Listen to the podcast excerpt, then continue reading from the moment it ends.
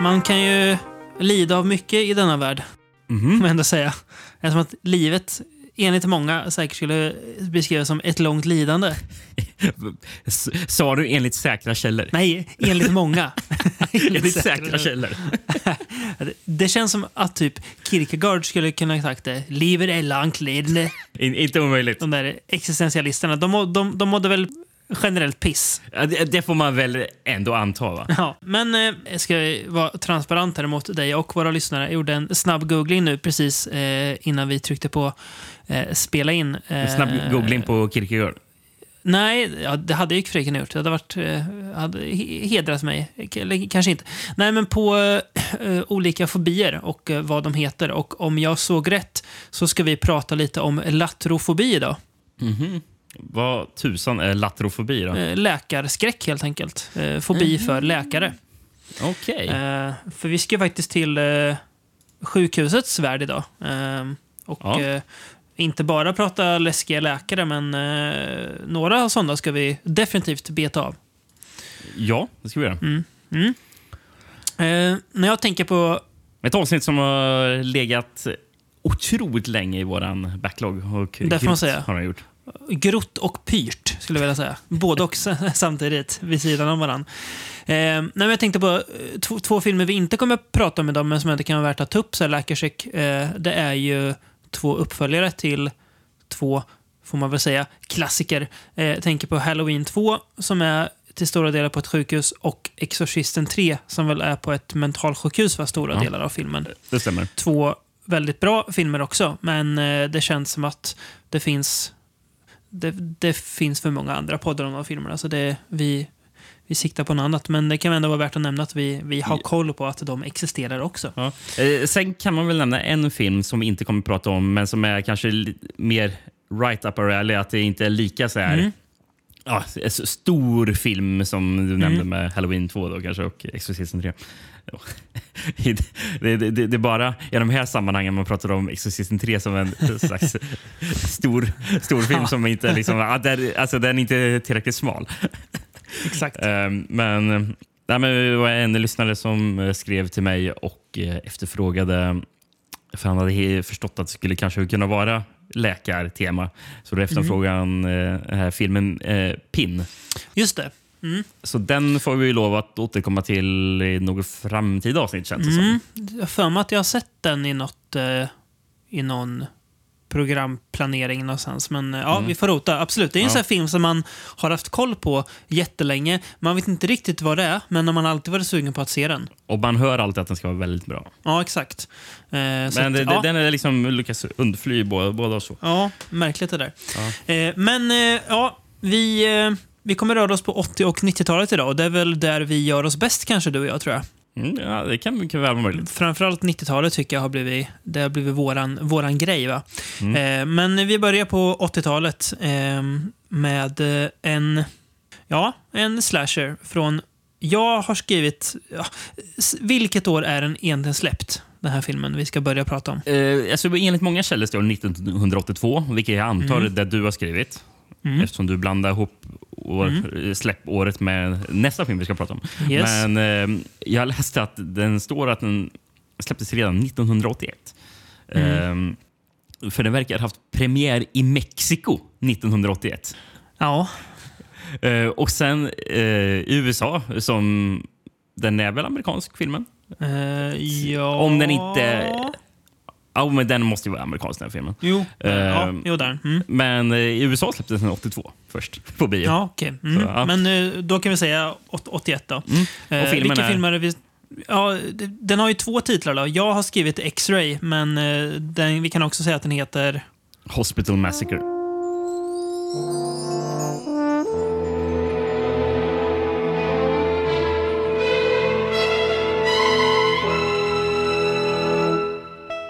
Jag vet inte vilken av titlarna jag gillar. Jag tror jag gillar X-Ray mer, för att Hospital Massacre känns lite mer... Ja, men alltså, den känns lite mer generisk. Hospital Ja, Massacre. exakt. X-Ray är lite mer suggestiv på något vis. Att, åh, ska det vara lite röntgen och så? Mm. Eh, där kan man ju säga att nej, det är det inte jättemycket, även om det är en del av plotten. Men eh, ja, det, Hosp- Hospital Massacre är egentligen en mer mm, rättvisande titel vad filmen i stort innehåller. Det, det här har jag aldrig sett tidigare. eh, Den här taggningen eller vad man ska säga på IMDB. För det står pre-release title. Ja, Eh, alltså, är det samma som working title? Eller? ingen aning. För, eh, för annars är det alltid working title man hör. Men här var det Ja, pre-release title. det är nytt, nytt för mig också. Men, men, det, men där står det Be my valentine or else. Punkt, punkt, punkt. Ja, Det, är, det är bra Det är en bra eh, titel. jag. eh, som också skulle kunna funka som en tagline. Eh, Ja, precis. Eh, det skulle ja, bra. göra. Spännande. Eh, I Gre Grekland var inte lika suggestiv eh, titel. Uh, översatte den till Dödsstråle. Dödsstråle. Det är ju...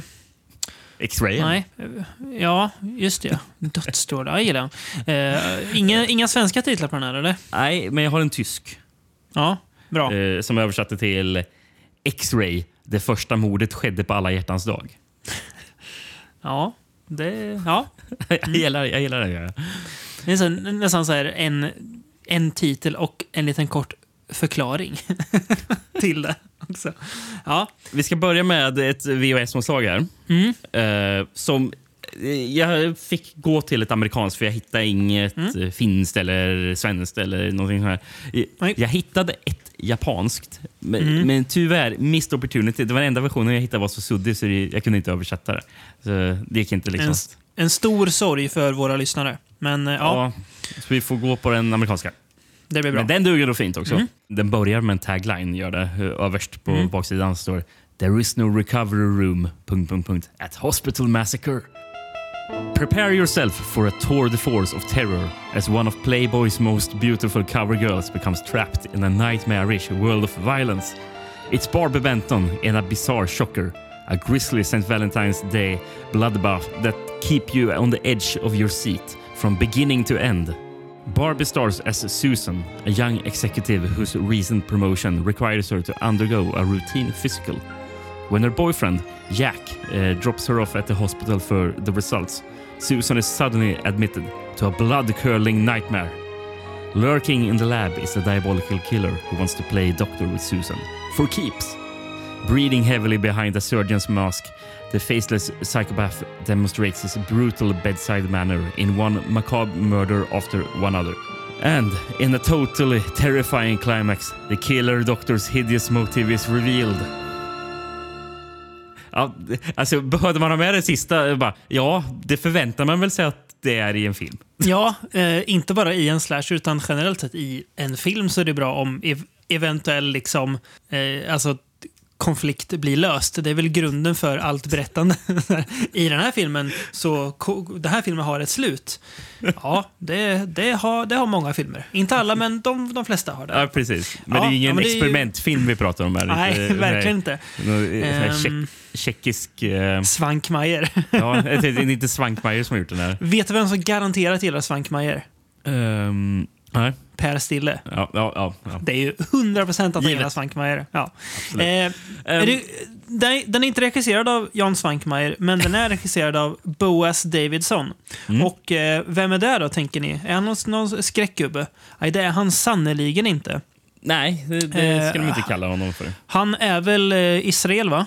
Mm. Eh, ursprungligen. Precis som eh, ägarna till bolaget som har producerat den här filmen. Då. Eh, Golan och Globus, för det är ju en kanonrulle det här. Ja. Eh, men Boaz Davidson, kanske mest känd för ändå Last American Virgin, eller Mm. föregångarna som heter typ Cherry Lollipop, va? Någonting? Lemon Popsicle. Lemon Popsicle, ja, är det var nästan liksom. rätt. Ja. Ehm. Men om, om du minns från... Vad heter den där eh, Canon-dokumentären? Ja, jag vet vilken du menar. Jag kommer inte på Ja. vad den heter just nu, men ja. Ja, Jag, jag får mig den i början så får man... Eh, alltså rätt tidigt i dokumentären så pratar de om han Boaz Davidson eh, Mm. för, och hans eh, Lemon Popsicle-serie som han gjorde Mm. i Israel, mm, Tel Aviv, där han kom från. Och det var väl Golden Globus, liksom, de hittade ju han jag, vet, jag, min- jag minns inte detaljerna alls kring, kring det, men det var ju liksom via Canon som, de typ, eh, som den distribuerades i vissa länder. Mm. Mm. Mm. Fattar det som. Och sen så drog jag ju då till USA. Mm. Precis. Eh, och den här Last American Virgin är ju typ en remake av eh, Ja. Lemon Popsicle, någon av dem. Jag har faktiskt sett den. Den är... Eh, ja, det är en speciell eh, typ sexkomedi. Den, den är bra, den är sevärd, men eh, ja. Jag skulle Mm. vilja se om den, för det var inte riktigt vad jag trodde. Men, eh, Eh, Men, men, vet du hur han fick jobbet på den här filmen då? nej, det Han vet var jag ju- inte. Han, var ju, han, blev utbytt, eller han blev inbytt i sista minuten eh, för Mhm. originalregissören som inte vet vem det var.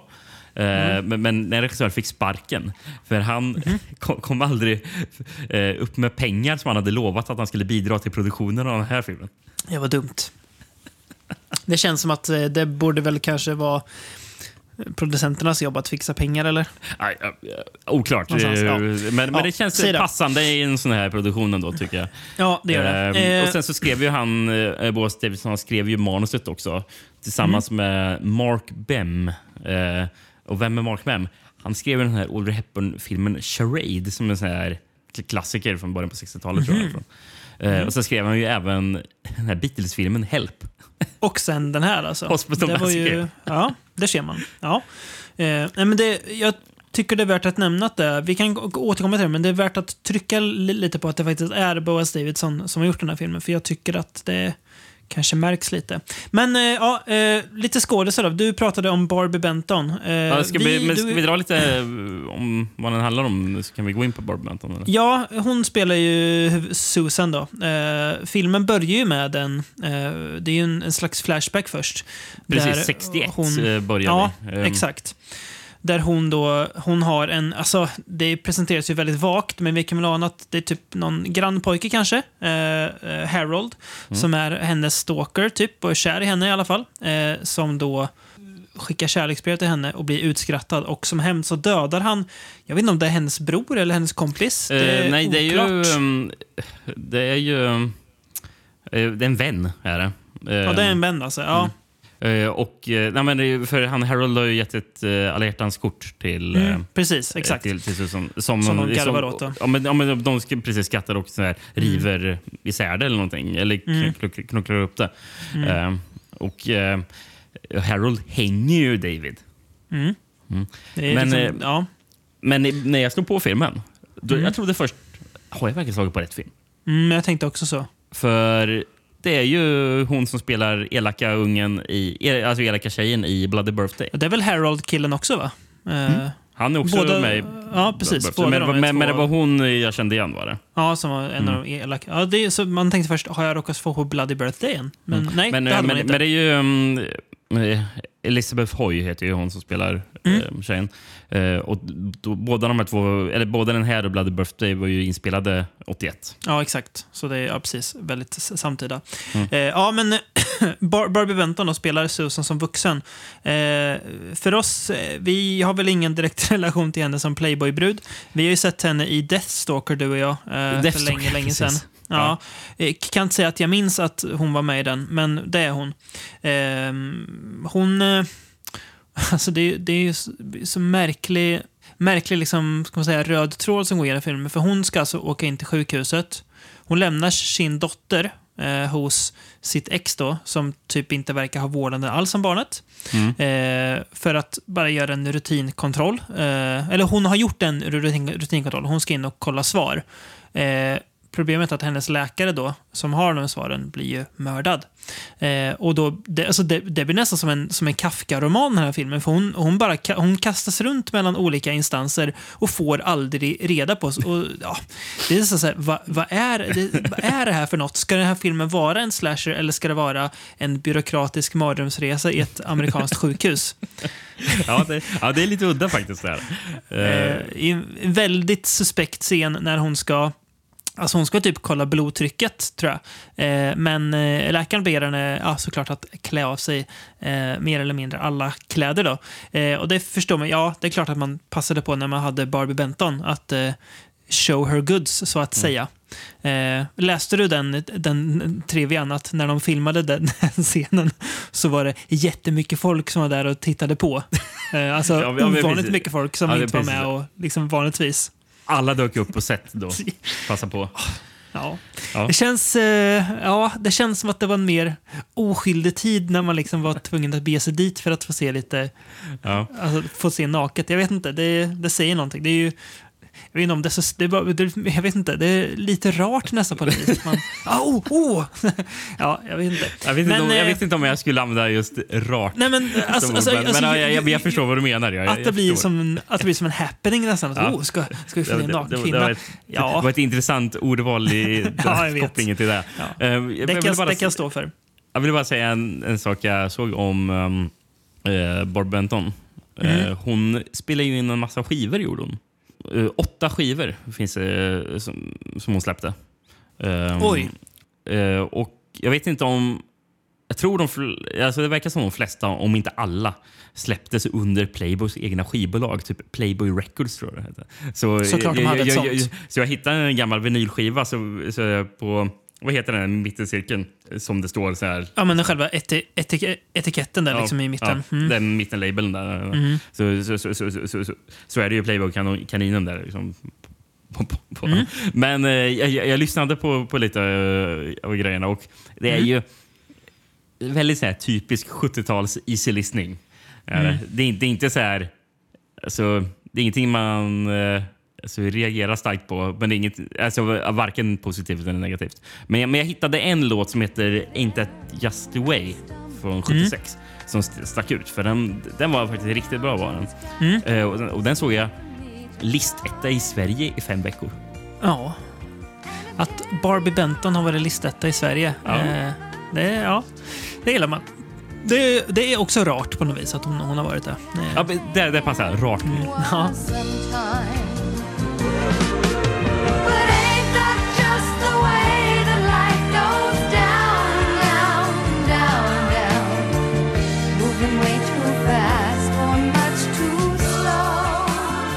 Lite mer skådisar som är mer så här, eh, namn. Eh, Chip Lucia, eller Chip Lucia, eh, har vi. Vi har ju indirekt pratat om honom. här Eller. Charles Lucia som jag såg Ja, att han jag, han, är, han är creditad som Chip Lucia i filmen, Aha, tror jag. Det var därför jag skrev okej. upp det. Men då Ja. rätt han heter Charles, just det. Han är med i Society, bland annat, Mm, Eh, som vi har pratat om. Och sen har vi John Van Ness också, eh, som är med i Rutger Hauer-klassikern The Hitcher. Mm. Och Eh. även, kanske inte lika mycket klassiker, men Alligator 2. Åh, fy. Ja, nej. Eh, och, han, och han är ju pojkvännen eh, som- Mm. eh, som han, John Van Ness spelar, Jack. Mm. Då. Just det. Ehm, Hon har ju träffat en nya. Eh, när hon har skilt sig från sitt ex. Ja, alltså, vart, vart ska man börja med, med den här filmen? Vi pratade li- lite grann om att den, den har en märklig ton i det här. Eh, att så mycket rör sig kring att hon jagar vad är det egentligen för fel på mig? Och läkarna bara mm, jag måste ju undersöka mer. Och det tar liksom Precis, all, aldrig slut. Och, och sen så hon, hon, hon, är ju, hon blir ju övertygad om att det är en mördare som går lös på eh, sjukhuset. Men det är ingen som tror Japp. på henne eftersom hon Nej. har en diagnos, tänker alla. Exakt, exakt. Och hon, hon, får heller, hon får inte komma därifrån utan hon måste ju vara kvar där och det tar liksom så lång tid. Mm. Eh, men hon har, ju, hon har ju rätt, det är ju en eh, mördare som går runt där. Men den här mördaren, ska sägas, är ju långt ifrån den enda suspekta figuren på det här sjukhuset. För det här sjukhuset kryllar ju av märkliga individer. Den första jag tänker på är ju när hon kommer till sjukhuset i eh, rätt tidigt skede i filmen. Så, och hon ska checka in vid expeditionen där, eller eh, reservationen menar jag. Så är det ju en städare som står och verkligen stirrar på henne. Eh, Och f- sen när hon går iväg följer henne med blicken. Sen så är han knappt med längre. Och det är ju så uppenbart att man försöker plan plantera att det ska vara jättemånga misstänkta karaktärer. Men har man sett tio, tio filmer av den här typen så vet man att ja, det där är ju inte mördaren. Det är ju inte direkt överraskande vem som är mördaren baserat på vad vi har sagt än så länge om handlingen. Det, det, Nej, det är inte. Det, det, är Sen- minsta, det är den minsta överraskningen jag sett i en slasher. Du. Sen, sen kanske så här, vem det faktiskt är kanske är så här, lite överraskande, men inte, inte, va, inte så här varför. Nej. Eh, Det är så noll liksom. Det, är inte, det är inte överraskande alls. Vaktmästaren eh, på sjukhuset som har ett foto på Susan när hon var barn som han står och stryker. Och varför har han Det jättesuspekt ju. Kan, varför kan han ha det? Ja, jätte, jätte, ja, ja. ja det, det, det är mycket sånt där. Och jag tänker nästan ibland när jag, när jag sitter och kollar på filmen, jag tänkte mest på det i början, sen kanske jag blev så van med det, men att man använder jättemycket så här spänningsmusik för att markera att nu är det något på gång. Men det är så uppenbart att så här, det här är ingen scen där någonting allvarligt kommer hända. Och att till slut så känns det nästan som, är det här en slasher-parodi? Eh, För att Ja. nästan så här, det, det är nästan som man driver med hur genren eh, brukar göra. Men det, det, jag tror det, det stilgreppet kan vi tacka Arlon Ober för, som har gjort eh, soundtracket. ja, som, även gjorde soundtracket till Bloody Birthday. Ja, du ser. Ja, Ja. Det är Och- cirkelslutning. Och även två andra filmer som vi har pratat om i podden Mhm. tidigare. Eh, The Incredible Melting Man Ja. och In the Shadow of Kilimanjaro. Mm. Mm. Blandad kvalitet på de filmerna, Mm. minst sagt. Nej, men, eh, men det är ju, jag skulle säga, det är ju ingen parodi. Jag, jag tror bara det att Boas Davidson vet inte riktigt hur man regisserar skräck, känns som. Det känns som att de är fel. Alltså man har satt en film i handen på någon som inte riktigt eh, greppar genren. Eh, och Men eh, jag tycker ändå det är en rätt så underhållande slasher. tycker jag. Det är, Jo, jo, det är det. Absolut. Men alla försök att göra det så här, alltså, eh, spännande på något vis, blir det ganska så här, vad är det här? Och det, det är så mycket märkliga inslag. Man undrar, det är, en jätte, det är så skev ton i den här filmen. Mm, ja, Men-. Ja, du har rätt. Den är, det, alltså just därför kanske blir den också underhållande, för att den sticker ut i sin... Mm. Alltså, det, det, det, det här, här filmen, om den här filmen vore en person som gick på fest med massa andra slashers så skulle det här vara kufen. Mm, ja, en, en kuf som stod i, i hörnet och hängde.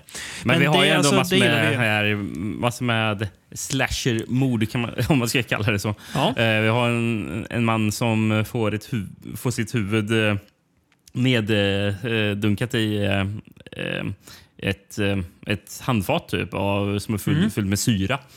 Mm. Eh, och sen så någon som hittar en, eh, en låda med ett huvud i.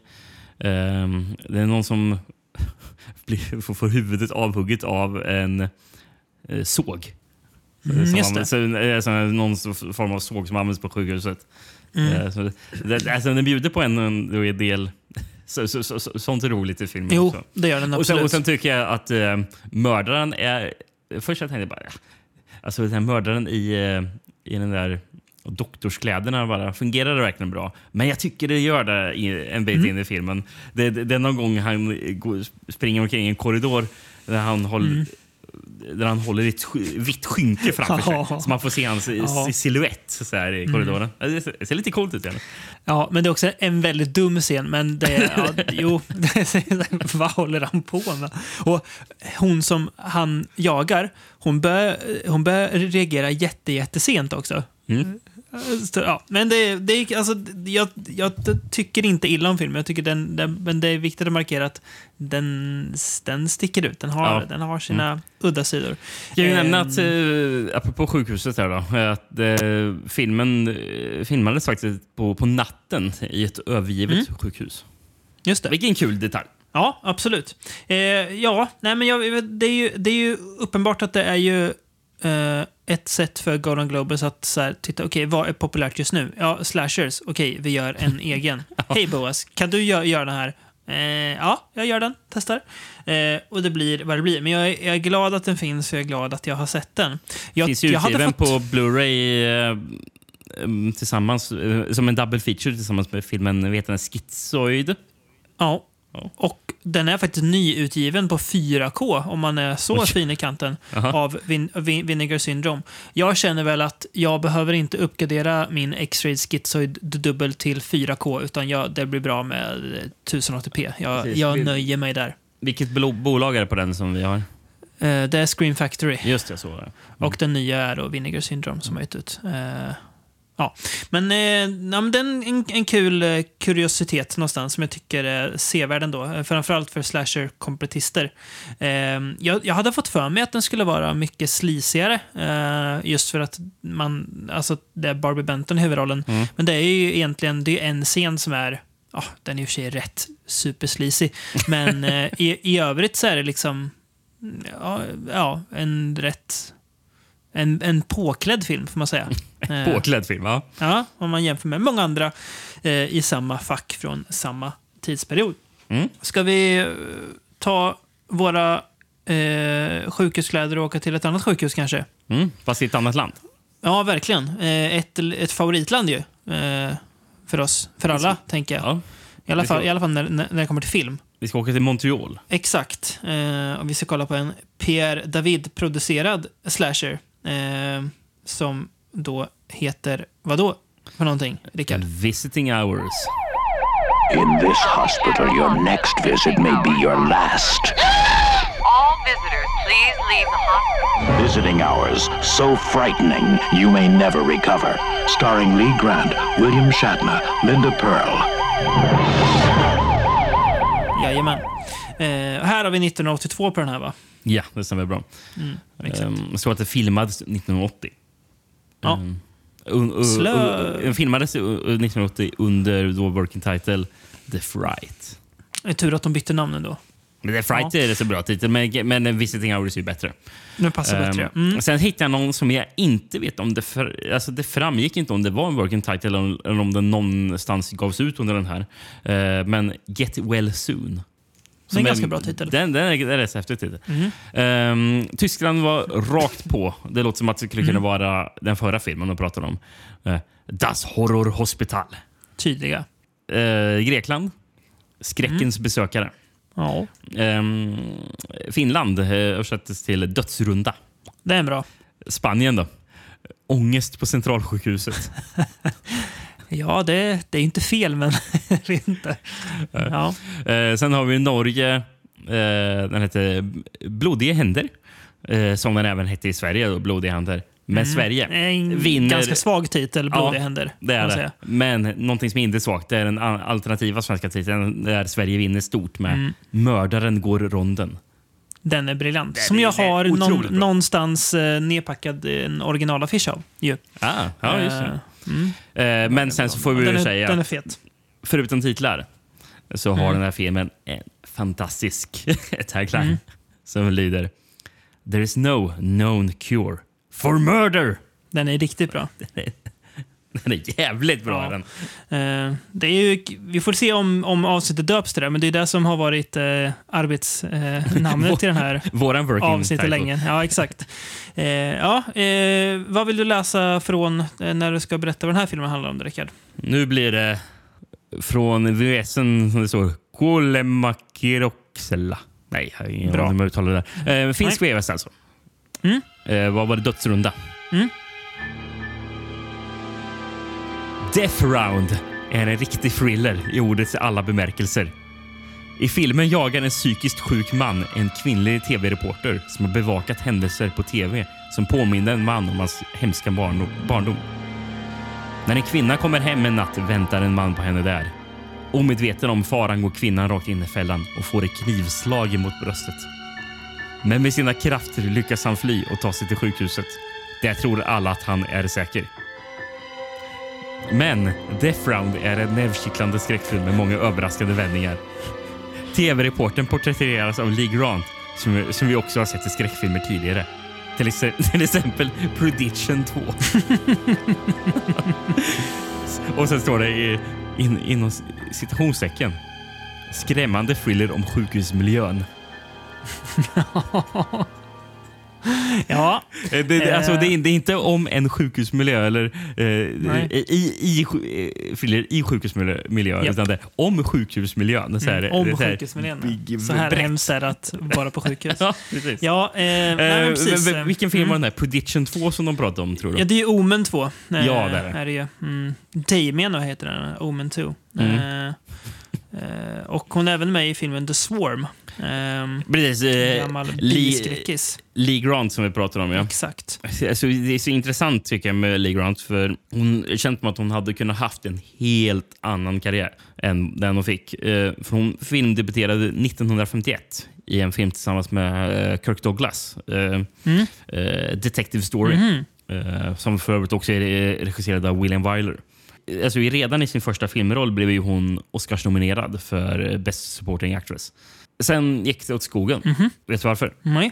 Eh, svartlistning på grund av eh, såna kopplingar mot eh, kommunism, eller, vilket hon inte var kopplad med.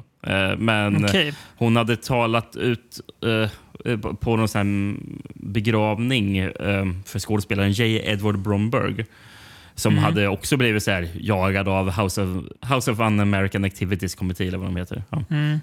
McCarthy-tiden som man brukar säga. Mm, Precis. Eh, och, hon, i sitt tal så har hon typ antytt att, eh, att han dog delvis på grund av stressen som det eh, orsakade honom.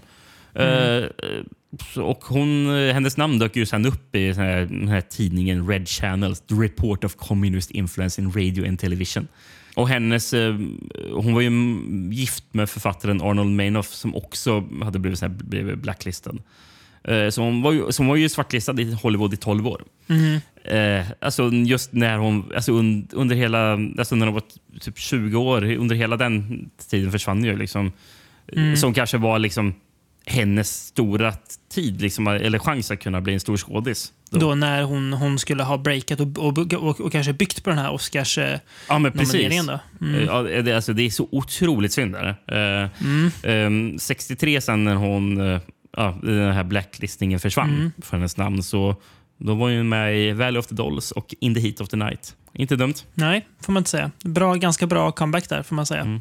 Ehm, ja, nej, det, det krävdes väl inte mycket för att bli svartlistad, känns det som. Uh, sa Nej. du ordet eh, socialism så var du eh, mer eller mindre ryssvänlig. Ja, precis. Ja, nej, men det är synd. Hon är ju, hon är ju ehm, eh, bra här. Men som, är ju- Deborah. Mm, exakt. Som då, det är ju, var ju märkligt att din, din finska väst där skrev att det var den här han som hamnade på sjukhus. Men Ja, det är, det är ju ju hon. såklart hon. som gör det. Ja.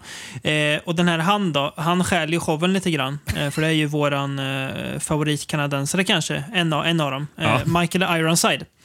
Eh, som ju, ja, Eh, Michael Ironside behöver ingen int- introduktion. nej, han är ju verkligen bindgalen. Han ser riktigt vidrig ut i filmen. Ja, han, han är en så figur som hade kunnat vara med i seriemördarpodden vi hade för några, alltså om det, alltså lite en sån, han skulle kunna spelat någon av dem. Tänker typ han Rampage-mördaren. Mm. Han har lite samma så här äckliga, eh, alltså det finns något äckligt och otäckt över honom eh, samtidigt. Han byter ju här, utseende väldigt drastiskt Mm. eh, vid flera tillfällen i filmen. Så han har ju väldigt Mm. olika outfits. Men han lyckas a- dock alltid se vidrig ut i vilken outfit Mm. han än har. Japp. Eh, Och- men men, men, men, men äck- äckliga säger så här. Det, det här är någonting jag, jag, tror jag aldrig har sett det här. När han går omkring i ett skinnlinne. Nej, det, ja, nej, det, Det ser så jävla obekvämt också ut. gör Det ser ut Japp. som att det är svettigt. ja. Och så sitter det på honom också. Ja, Nej, men han, han, han har ju, precis som Richard Lynch har ett skurkansikte, eh, så har ju Michael Ironside också ett an ansikte som med fördel kan användas för att spela den här typen av karaktär. Han har ju Verkligen. spelat goda karaktärer också, men eh, han kanske gör sig lite ännu bättre i typ såna här roller. Eh, Ja. ändå. Jag, jag, jag läste ju att eh, han blev ju castad eh, för, för den här rollen på grund av eh, vad han hade gjort i Scanners. För, för, de, ehm, för, för, det, för det är samma producent. Eh, mm, Ja, exakt. Eh, Pierre Davidia. Ja, just det. Precis. Eh, nej, men, eh, så det var väl kanske på grund av att han gjorde sig bra i Scanners som han bara tänkte att han kan nog fungera väldigt bra för, för den här rollen. Till förtret för William Shatner, som dock är med i den här filmen. Eh, är, är han ju. Men William Shatner hade ju, hade ju, um, hade ju vet den här, gått, gått, alltså ville ju egentligen ha rollen som seriemördaren. Ja, men det blev ju ingenting för eh, typ auditionen efter. Och då, var det, då var det Michael Ironside efter William Shatner. Då bara, nej, det går ju inte. Shatner kör. gör ju inte bort sig i filmen. Här. Alltså, han, han, han gör ju det han ska. Jag tycker han, han Ja. funkar bra. Han är väl hennes, eh, hennes chef, va? Eh, Lee Grants chef på det tv. Ja, jag tror det. Va? Mm. eh, eh, bolaget han jobbar på. Eh, men han, alltså, det är klart, han bleknar ju jämte de två. Eh, kul grej förresten. Eventuell spoiler då för de som har an ansiktsminne och som inte har sett eh, My Bloody Valentine. Han som är mördaren i My Bloody Valentine dyker upp lite grann här som polis i typ någon scen bara, tror jag. Eh, det är lite kul trivia. Och My Bloody Valentine är ju liksom denna en kanadensisk produktion, så att det är inte konstigt att man ser samma ansikten. Nej. Eh, förekomma. Apropå kan, nej, precis. Och apropå att man känner igen vissa ansikten. Vi har ju en patient här på sjukhuset som dyker upp som jag tycker, jag tycker jävlar vad han ser ut som Groucho Marx. För han har en stor mustasch. liksom. Eh, och Japp. det är, ju, mm, Ja. Han spelas ju av Harvey Atkin som vi såg Mm. senast i The Incubus. Ja. Eh, och sen så dyker jag upp som en kvinna som är lite tveksam. Som Michael Ironside eh, bjuder med hem till sig. Eh, hon verkar lite tveksamma åsikter. är? Hon, Ja, hon, ja, hon är lite, lite skum. hon eh, pr- pratar inte lite så här rasistiskt om folk? Och, Jo. Så, ja. Jo, Mm. det är hon. Ehm, och den här karaktären spelas ju i alla fall av Lenore Sun. eh, Mm. Som vi pratade om. eh, hon, för hon var ju med i Defcon 4. Var ju, Mm. och det var hon vi pratade om att hon hade typ, nu jobbade som politiker i Kanada. Ja. Ja, ja men det dyker ju upp flera. Och samma sak om man tittar Mm. på alltså, vilka som har gjort filmen. Alltså, Brian Taggart Mm. som har skrivit filmen har ju även skrivit Of Unknown Origin. Um, Mm. Sen har jag även skrivit Poltergeist 3 och Omen 4. Mm. Men jag hittade någonting riktigt mäktigt med vad Mm-hmm. som hade skrivit. En film jag aldrig, inte visste fanns.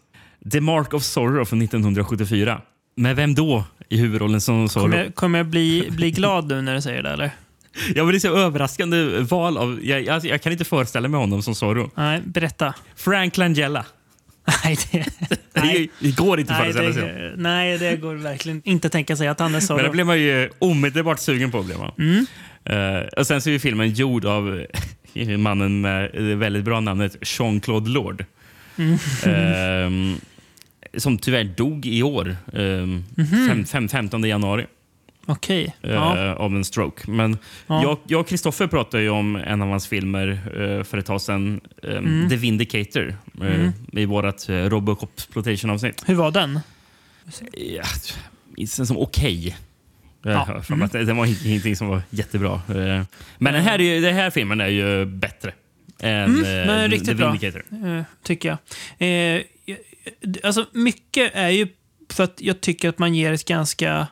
Alltså, man, man ger Ironsides karaktär mycket speltid och det blir ganska mycket psykologiskt djup i. Du får ju verkligen veta vad det är som gjort att han är så himla störd och trasig och eh, eh, ja, men, alltså begår de här dåden. Det är ju någon gång, alltså, filmen ville verkligen visa att alltså, han är verkligen eh, galen. Man, man får se han har så här, ehm, hemma på väggarna har han ju massa eh, brev han har skickat till, eh, till he- henne. Och så, och så fot, har han också tagit bilder från överfallet som han också sätter upp. Och det är så här, över hela väggarna. Så man fattar den där snubben, han är ju totalt bindgalen. Verkligen. Ja. Ja, men verkligen. Om, man, om, om man inte var övert, övertygad av hans skinn, eh, skinnlinne. Då. Ja, precis. sen, sen tycker jag att filmen sticker ut väldigt mycket. Lite, alltså, på något sätt lite på samma sätt fast ännu mer som My Bloody Valentine. För att huvudkaraktärerna är ju inte ungdomar utan det är liksom medelålders, typ 35 plus, 40 plus människor där. Oklart exakt. Men så att det, är ju- det är ju får ändå säga att det är en slasher, men det är inte en slasher på samma sätt som Nej, eh, mm, många andra. det, alltså, det roliga är, jag har inte sett den här filmen tidigare. Eller jag har Nej. typ sett den här filmen tidigare. Jag vet att Mm. en natt för en massa år sedan så tänkte jag bara, nu eh, jag var så här 12 på natten. Nu är jag riktigt slasher-sugen. Jag stod på visiting Mm. hours. Såg... Jag tror inte jag nådde ens i halva filmen. Så jag var så jävla trött, så jag såg inte klart den. Men det, för, för det får man också lägga till att den är rätt så långsam den här filmen. Det är, det är typ en slow Mm. Är det här. Ja, är det. Absolut. Och det kanske inte riktigt var jag hade, var inställd på eller när jag slog på den där Nej. natten. Att jag var, kanske, nu ska det vara fartfyllt. Nej. så det kanske man inte ska vänta sig om man, om man ser den här. Nej. Eh, Men den är sen- stämningsfull istället. Det är den. Mm, där är den. Eh, det, det jag tycker är lite synd med den kanske, det är att eh, hade eventuellt kunnat vara ännu mer på sjukhuset. Alltså just att Ja. han hade kunnat stryka runt mer där. För det är ju stora delar av filmen där han inte är särskilt nära henne eh, också. För vi, vi fattar ju att Mike Ironsides karaktär kommer att ge sig på eh, Lee Grants karaktär igen. Men frågan är bara när. Men samtidigt så är det så här, mm, hade man gjort så så hade man kanske inte fått samma djup i hans karaktär. Eh, eller se liksom hans typ vardag nästan li- lite grann, vad han gör annars. Eh, så det blir så här, ja, men jag vet inte. Det hade varit intressant att se vad hade hänt om han hade varit ännu mer på sjukhuset.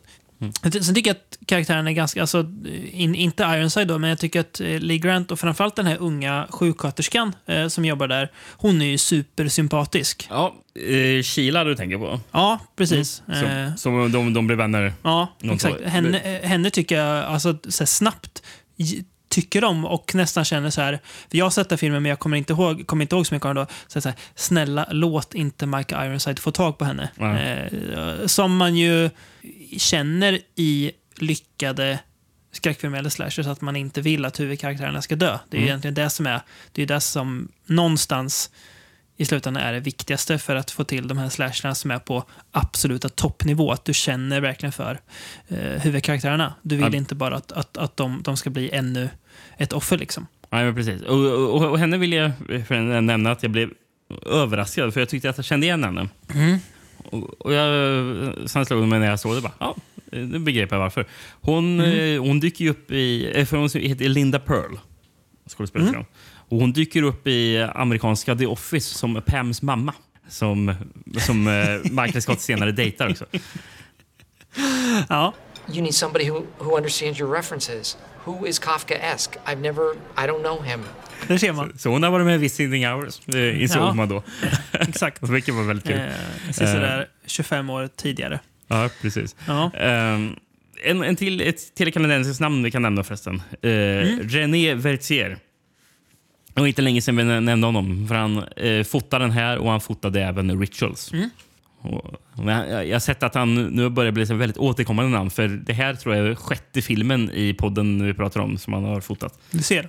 Vi har, vi har ganska bra koll på honom. Extremt kanadensiskt namn för övrigt. René Vertier, ja precis. Ja, det får man väl lov, lov att säga. All, aldrig hört ett mer kanadensiskt namn i hela mitt liv tror jag. Jag, hitt- jag hittade faktiskt en, en väldigt intressant grej om eh, eh, den här filmen och vad som hände sen. För den här var ju en eh, video nasty i England.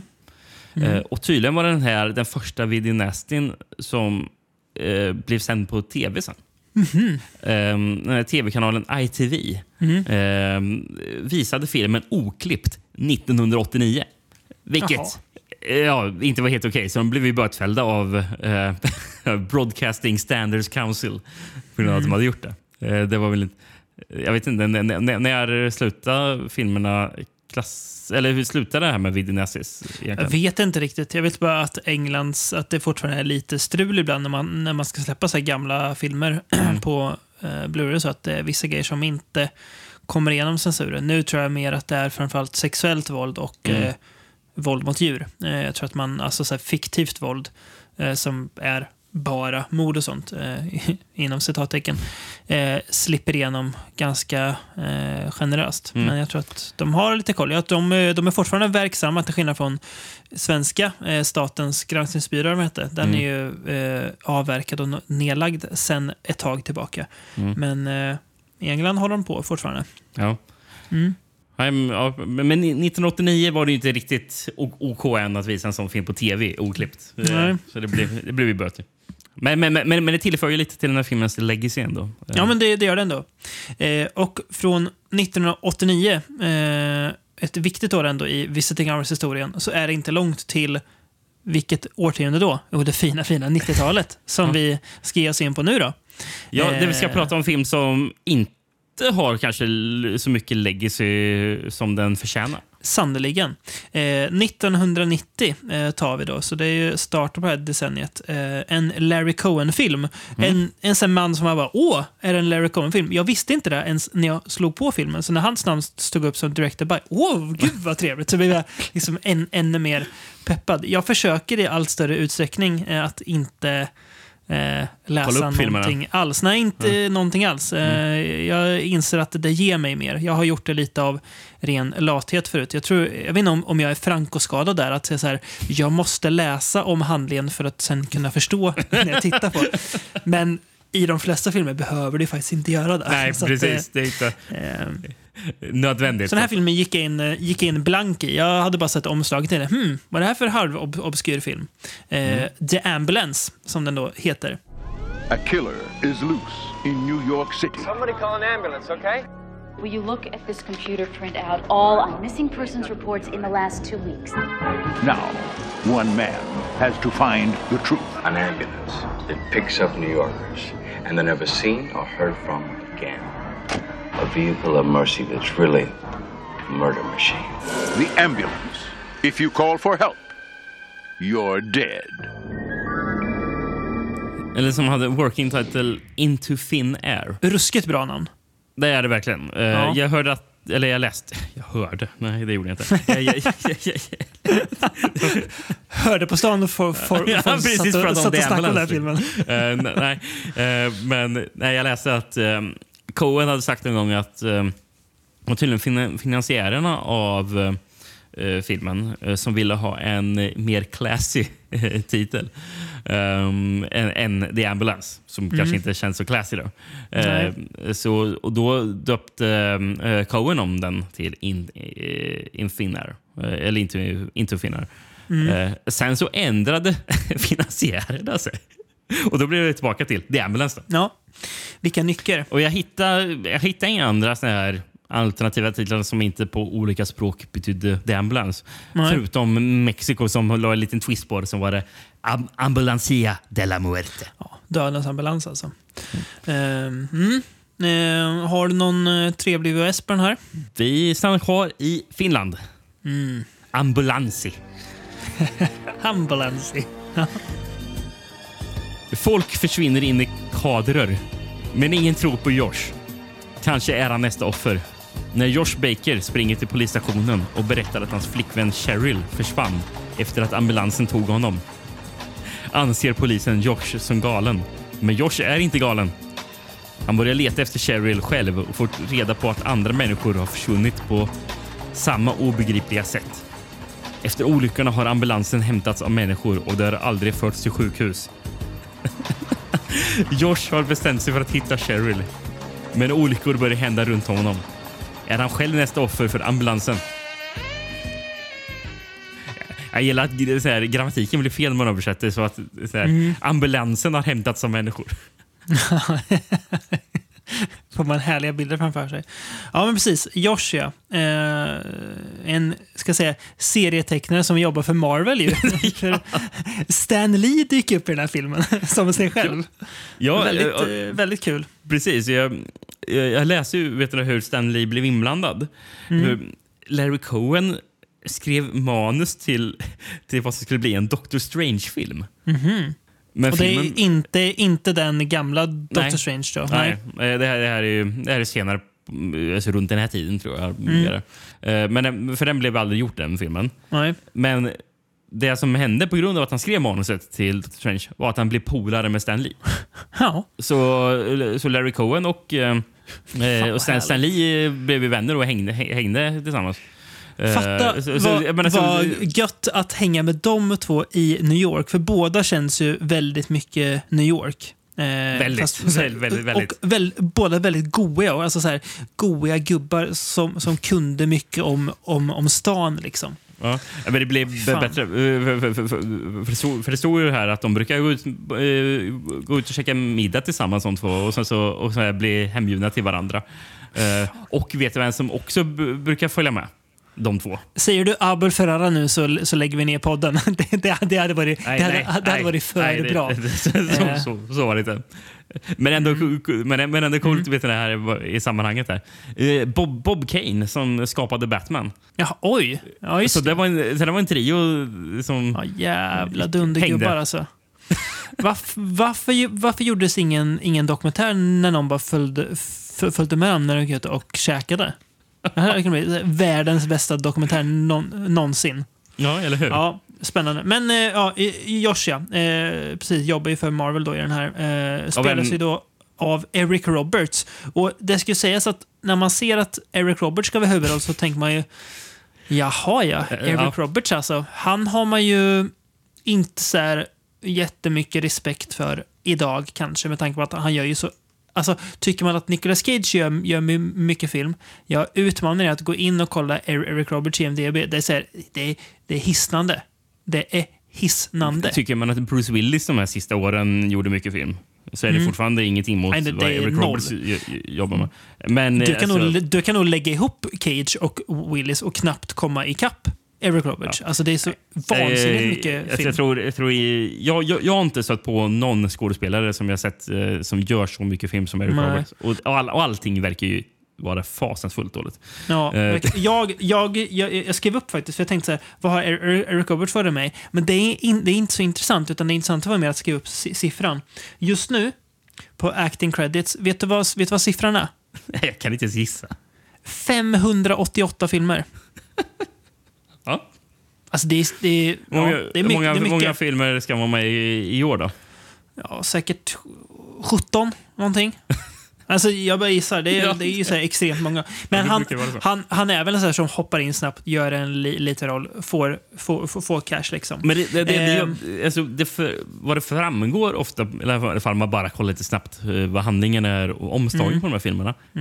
Det ser ut som att han har en huvudroll i de flesta. Ja, det gör det ju på den här Bruce Willis-filmen också, men Ja. det ska han ju tydligen inte heller riktigt vara. Man är ju inte, Och fast, inte, han, fast, fast, jo, fast att han har spelat in allt på en dag eller någonting. Men Ja, just det. det väl ja, så. exakt. Att man har, Ja, det kanske ja. är så. Det måste ju nästan vara som med Eric Roberts Ja. också. Men alltså Eric Roberts nuvarande situation ska inte blandas ihop med vad Eric Roberts faktiskt är eh, kapabel till. För Eric Roberts är extremt charmig i den här filmen. Ja, han är supercharmig. Fy fan vad man gillar honom. Och det ska man säga, trots att han har en frisyr som...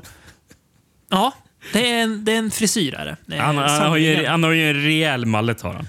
Ja, extremt. Och, och, han, Eh, han, alltså, det är inte att han bara har en rejäl mallet. Han, han, har, han har en rejäl mallet och går omkring i tanktop också. ja. Nej, han är, han är supercharmig. Alltså, han är riktigt bra. Eh, Mm. Det är då man, man, man fattar liksom varför han någon gång ens blev en skådis som fick jobb. Men det ser man ju väldigt tydligt här i en Larry Cohen-film. Mm. Eh, vi ser också James Earl Jones. What do you want? Don't forget you got a four o'clock dental appointment today. How the hell do you know? You been going to my desk again? Why is it every time I have a cavity, you know it before I do? Och James Earl Jones är också riktigt bra i den här filmen. Men de Ja. fungerar väldigt bra ihop. För James Japp. Earl Jones är ju polis som... Eric Roberts tror ju först att ja, jag kan nog få hjälp av honom. Men, Mm. men James Earl Jones vill ju inte riktigt... Ja, Han, han, han tror ju inte på Nej. Eric Roberts. Utan lut- lutar väl snarare mot att vi kanske borde gripa den där dåren för han kan ju ställa till med, med dumma, dumma saker. liksom. Mm. Eh, men det är, alltså, det är lite av en... Eh, det är ju som, som en konspirationsthriller det här nästan med eh, Eric Roberts där han då försöker jaga den här ambulansen som ingen verkar veta något om, men som, för, förutom honom då, som av någon anledning, an, an, anledning tar folk eh, och för dem någonstans. Så han Mm. dras ju verkligen in, i en jäkla spiral här av eh, att hitta svar. Eh, och det är bara han som ser det, verkar det som. Eh, tills han träffar på filmens kanske mest älskvärda karaktär. Den här gubben som han ligger på sjukhus tillsammans med. Ja. Som har opererat någon, någon, någonting. Som är väldigt skeptisk till sj- sjukvården. De, de blir typ bäst... De, det, det blir som en buddyfilm en, en sväng mellan de två. Precis, och det är ju, eh, karaktären heter ju Elias Japp. och spelas av mannen med det fantastiska namnet Red Buttons. Ah, Vi, pra vi, vi, pratade om Red Buttons för Red oerhört Buttons. länge sedan. eh, För han är ju med i eh, The Poseidon Adventure. Mhm. Red Buttons. Ja, är, man gillar det namnet. Dundernamn. Ja. Dundernamn. Men han är också supercharmig. Ehm, Men utöver det, att de är så charmiga, så är det också ofta väldigt spännande framförallt, tycker jag, den här filmen. Ja, ja verkligen. Eh, Och då tänker man så här, 1990, Larry Cohen, Eric Roberts. Mm, man, ja, men eh, det är som du sa där i introduktionen till filmen, att en film som eh, har alldeles för lite legacy. Som, ja, men jag hade aldrig hört, hört talas om den innan podden nu. Eh, men det här var ju en extremt trevlig överraskning. En, Eh, en, en, en dold eh, pärla. Ja, men verkligen. Alltså, och det, är, det, är de, det är de här filmerna man blir gladast av. När de dyker upp så här som man inte vet något om och bara Oj, det här var ju jätte, jättebra. Eh, den blir ju ännu mer New Yorkig av att det är Jay Chataway som gjort musiken.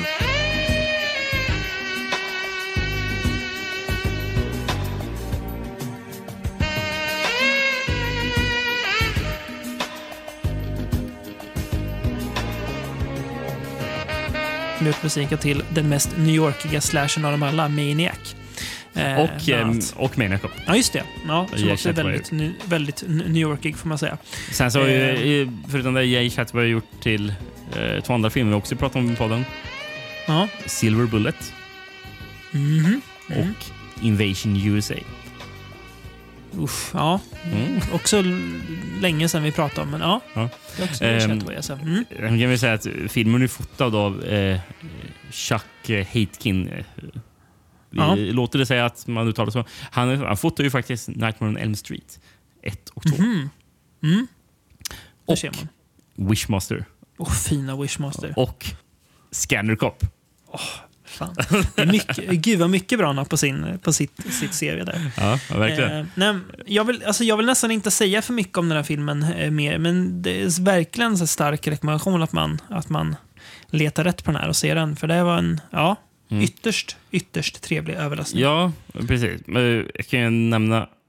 Dels kan jag säga jag tycker det är kul. Som, som baksidan beskrev så Eric Roberts träffar ju en kvinna på gatan som han tycker hon är snygg. Eh, eh, Man, man, förstår, man får ju reda på senare att han som, han som serietecknare har ju typ ofta tecknat en och samma typ av kvinna som Mm. delar exakt de dragen som, som, eh, som, hon, som man ser i henne. Så han liksom ser väl bara, men det där är min drömkvinna. Eh, Exakt. eh, så han börjar ju vet ni, föl- följa efter henne och prata med henne. Och bara, Mm. Eh, ska, ska vi... Ja, men alltså, ska vi, ska vi träffas någon gång? Han, han är så jävla på Mm. er. Och, ja. Mm. och sen så faller ju hon ihop och det kommer en ambulans. Eh, Japp. men, men det men det är så roligt, eh, typ scenen efter någonting, för- det är ju då första scenen vi får se Stan Lee dyka upp i. Mm. Då, då, då Eric Roberts kommer in på, på Marvel där, kontoret. Det det, det, det är ett rum där bara folk står och tecknar. Mm. så är det. Och, och sen så, vet den här, så, så går Eric fram till Stan Lee och bara Hej Stan! Uh, do you mind if I leave an hour early? I got a girl to meet up in a hospital. Och, och Stan Lees svar då Hospital? I, I prefer my women healthy, but each to his own. Ja, red, redan då kunde han göra charmiga små cameos, den gode, gode, gode Stanley. Men, men med Stan Lee har vi nog aldrig pratat så mycket i en film som han gör i den här. Nej, det kan nog stämma. Eh, här har han ju Ehm. faktiskt eh, dialog. Men det är ju mer att han är ju, han, även om han spelar sig själv så är han ju mer en karaktär än vad han är i alla de Marvel-rullar han har dykt upp i lite snabbt. Ja, precis. Uh, ska vi nämna Janine Turner, hon som spelar Cheryl, som ramlar Mm. på gatan. Eh, hon är med i Monkey Shines. Också liksom Pin, en film man har haft koll på jättelänge men inte sett av någon anledning. Det är ändå en George Ja, Romero-rulle. Jag har faktiskt sett Monkey Shines. eh, Så. Ja, du har det? Ja, just Mm. det. Ja, men jag har inte gjort det. Och jag vet eh, också säga, ja, jag vet inte varför. Jag gillar ju Men det är ju en sån här film ofta. som aldrig nämns. Nej, precis. Eh, som bara kom flimra förbi ibland. Eh, Ehm, en film, sen har Janine Turner varit med i en film som aldrig nämns. eh, förutom när det snackas om riktigt usla filmer. Mm. Eh, hon är också med i den här Dr. T and the Women. Åh, fy. Som är med på... Det var, för, länge sedan var ju i alla fall med på IMDB, IMDB botten 100 va?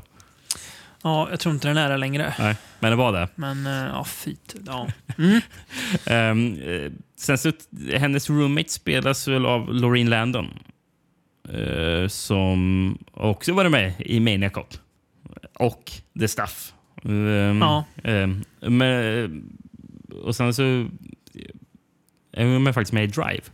Mhm. Som... Jag, jag minns inte henne. Eller jag, jag, jag, minns, eller jag minns henne, men jag minns inte vilken roll hon spelar. Nej, just Eh, det. det, det är så här.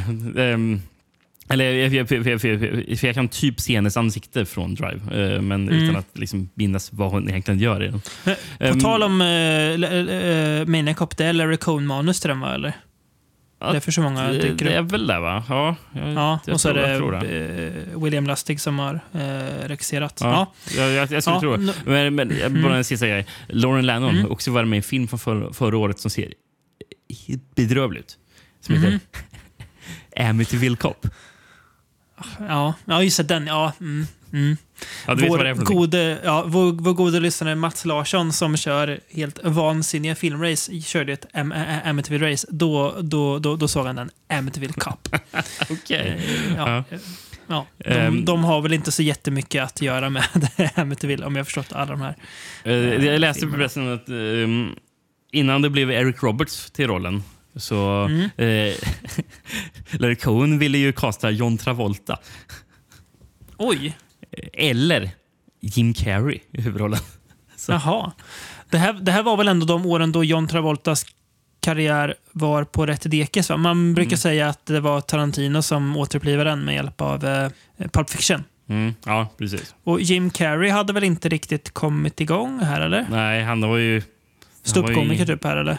Ja, han var ju med i en del film i, Ja, 80-talet. men inget, men, i, inte som, eh, Nej, nej. Liksom leading man. Nej. nej. han hade ju som mindre roller. Ja, jag är glad att det blev Eric Roberts, för han har en... eh, Mm, han har något verkligen. Jag, jag, jag, alltså, jag blir, jag blir sugen på att kolla upp mer alltså, äldre Eric Roberts-filmer för att se. Men det här kan nog vara goigt tror jag. Mm, Ehm, mm. Hey, Stanley, mind if I now go furling? I got a girl in the hospital. The hospital? Yeah. Personally, I like mine healthy, but, um, well, you know, go ahead. Uh, to each his own. Ska vi spola tiden två år framåt till eh, någonting som är så himla mycket 90-tal. Eh, som verkligen, det, här, det här är ju en film som borde ha funnits i, i videohyllan på Film och Fabel, men som märkligt nog inte gjorde det. Eh, Inte? Det hade man ju trott. Nej. Vet du om den fanns på Casablanca? I dina hoods? Inte vad jag minns i alla fall. Det, Nej. jag kan inte svara ja eller nej på den. Också en, en film som garanterat... Jag kan, jag kan nästan sätta allt jag äger har. Det här har ju gått på TV1000. jag, kan, jag kan sätta nästan allt jag har på att han har gjort det. Ja. det är, ja. Eh, 1992 i alla fall. Eh, Dr. Giggles. It's time to make an appointment. Scalpel. It'll be good for your health. Trust me, I'm a doctor. Oh, sorry. The doctor's in. Say, How about a free examination? Get ready to take your medicine. If you think that's bad, till you get my bill. I hope you have protection. Dr. Giggles. It's a good thing I make house call. Rated R. Men, men vet du vad den här filmen definitivt fanns med i? Nej. Ginsa-katalogen. Ja, garanterat. Och som dyr import VHS i Movie Line, eller Melody Line-katalogen. Ja, precis. Ja. Eh, Dr. Giggles, eller i Portugal översatt till mördarläkare. Eh, jag gissar på att det låter Ja. bättre på eh, portugisiska. Ja, mm, Eh, hoppas det. översatt tillbaka till svenska. Eh, fast som låter lite komiskt om man översätter från Brasilien. Mm. Mm. Doktor Skratt, dödsspecialist. Ganska kul titel ju. Men eh, det låter dumt också, men ja, Ja. också kul. Fast den har en bra tagline. Mm. Sorry, the doctor's in. Punkt, punkt, punkt. Sane! Det är bra. Så, sånt, sånt där, alltså, det där är en underskattad konst. Att göra så här bra pan-taglines. Ja, ja. Det är, ja, mm. Men apropå Ginsa-katalogen, eventuellt då, Mm. ehm, har ju faktiskt en svensk VHS att läsa upp. Mm. Jag, jag tänkte precis här, säga där. Om inte den här har getts ut på Sve- Svensk VS så äter jag upp min, min sko i livesändning. Jag tänker, har inte den, det, är så, det, det finns ingen film som är mer utgiven på, på Svensk VS än den här. Kanske då den där eh, Shadow Builder som vi har pratat om för länge sedan. Ja, den, det är så mycket, den finns. Punkt. Ja. Ehm, om du kommer från Morhaj, blir sjuk och hamnar i nöd, be en bön. Varje diagnos slutar med död. Stoppa ditt lidande för alltid. Jag vet inte riktigt hur, hur jag skulle lägga rytmen i upp, läsa Nej, upp den där. det var nästan som en, som en, di, som en dikt av en här, eh, modern Ja. poet. Jag vet inte om, om, det var, något versmått inblandat i det där. Nej, tveksamt. Var, det, var det allt eller finns det mer? Nej, nej, det var på framsidan. Det var avtänkt väl? Ja, det var, det var därför jag försökte ändå försökte läsa upp det på Mm, någonting. ja, för det var massor med är punkt på och sånt där. Så det var väl tanken att det skulle vara någonting som skulle rimma lite. Men det rimmar Mm. ju inte alls. Tror jag. Jo, nöd och död. Det var det. Ja, jo. ja. Mm. Men nu får du till handling. Evans innersta dröm hade alltid varit att bli läkare som sin far. Men istället ville ödet att hans älskade hustru fick obotliga hjärtbesvär, vilket gjorde honom galen. I ett försök att rädda hustrun började han experimentera med hjärttransplantationer på levande människor och till slut hamnar han på sinnessjukhus. Efter att ha gjort ett ingrepp på en av läkarna flyr han hals över huvud tillbaka till sin hemstad för att fortsätta sin avbrutna karriär. återigen en film som man länge haft koll på, men eh, inte sett förrän nu då. Ehm, Jag, jag hade först för mig att det här var en rak eh, komedi. Ja. Alltså skräckkomedi eller bara Ja, komedi? alltså, komedi? nej, skräckkomedi. Ja, Eh, mm. alltså, förstår med, det. alltså med Eh, mycket mer fokus på humor hade jag fått för mig att det Ja, var. titeln, eh, titeln pekar ju på det. Ehm, mm. Regisserad av Manny Koto, eller Manny Koto. Eh, låter som en, en skojare på namnet. Eh, vad har han gjort mer än denna? Eh, Jag har inte jag någonting på människor. Nej, då är det inget, inget av värde. Eh, Dr. Giggles dock spelas av Larry Drake, eh, som eh, gjort ganska mycket. Mest känd för våra lyssnare kanske som Babba i Dark Knight of the Scarecrow. Exakt. Han spelar ju den då eh, utsatt, eh, han är väl förstånds eh, han, handikappad, eh, som då hela handlingen sen kretsar till. Vilket, sen har vi vilket också, Larry Drake eh, ofta har spelat faktiskt. Mm, han har Eh. ju något, ut, alltså, nu kommer jag låta som att jag profilerar med människors utseenden.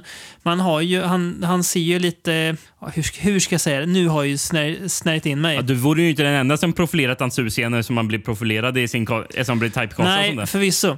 Han, han har ju inte ett utseende för att liksom spela den, eh, den heta, snygga mannen. Utan han ser väl lite dum ut kanske Mm. någonstans. Han har lite så här... Mm, såna drag kanske. Ja, jag vet inte. jag läste att han dyker upp i LA Law som en sån typ av eh, roll också. Gör han. Mm.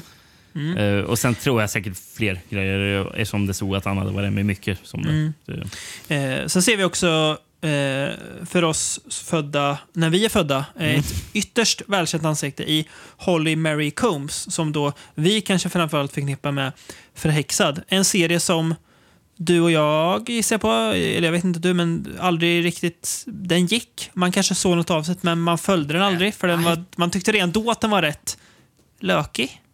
Jag, jag, jag, jag tror jag faktiskt såg rätt så mycket för Ja, på det alltså? tv ändå. För Okej. jag tror den gick på TV3 har jag för mig. Ja, det gjorde den. Uh, nej, men- kommer du ihåg vilken, vilken låt som är intro till Förhäxad? eh, vad heter den? Uh, The Smiths-låten fast det är en ny tolkning.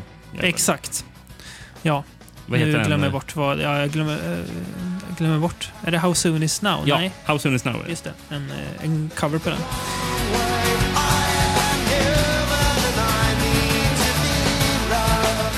Jag, jag, jag tror det blev att man såg mycket uh, Förhäxad för det, för det gick på tvn hemma. Mm, typ typ när, man, när man hade kommit hem från skolan. Ja, nej, snarare det gick på tv för att uh, min morsa kollade på Förhäxad. Jaha, så, så det, Ja, ja, det gick på så. tvn. Så, så Ja, var, det gick, så var, var man i an, anslutning till vardagsrummet tvn var. Så- så var Förhäxad så, där. Så, Mm. så, så, det blev att man såg det mycket på grund av att den rullade där, tror jag. Just det. Jag missa de, de, de två är i alla fall filmens ehm, viktigaste karaktärer, får man säga. Största roller också. Eh, hon Mm. då spelar eh, unge tjejen Jennifer, som eh, liksom då Dr. Giggles mor eh, har eh, hjärtproblem. Eh, vilket ju får honom då att särskilt profilera sig på henne, för han, i hans skeva huvud så har ju hon något med hans mamma att göra då, Mm. tänker väl han.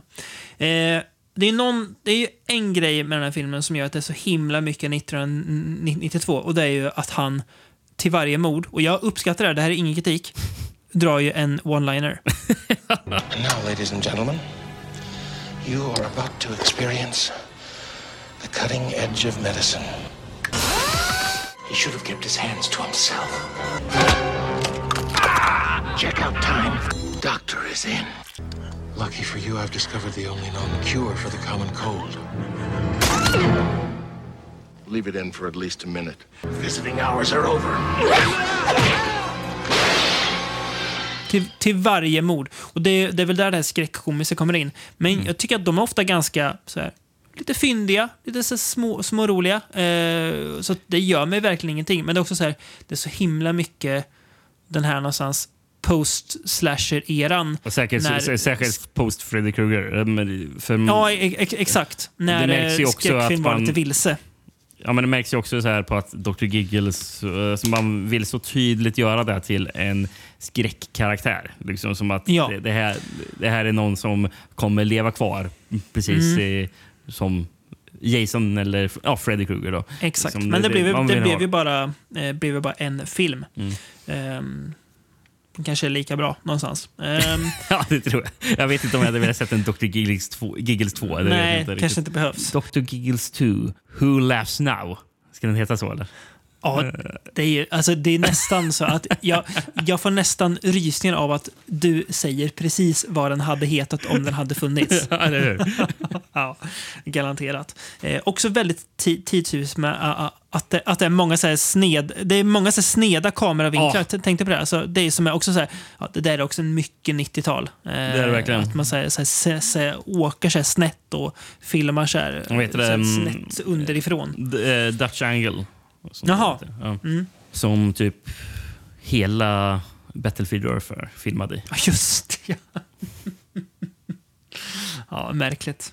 Men ja, alltså den liksom så här eh, stabil rulle som jag tycker, alltså det är, jag vet inte om det är för att man har kommit att älska det här, det här goa 90-talets, eh, alltså där det verkligen känns, känns som sin tid. Men en stabil rulle som jag tycker landar ganska bra. Blandningen av lite humor med mest eh, skräck.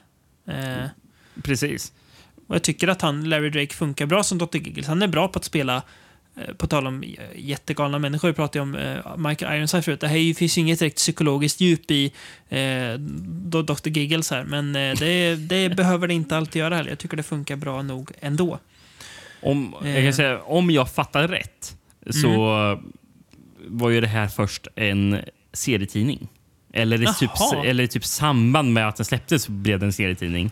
Eh, för Largo Entertainment eh, Mm. eh, signade en deal tillsammans med eh, serietidningsföretaget Dark Horse Comics.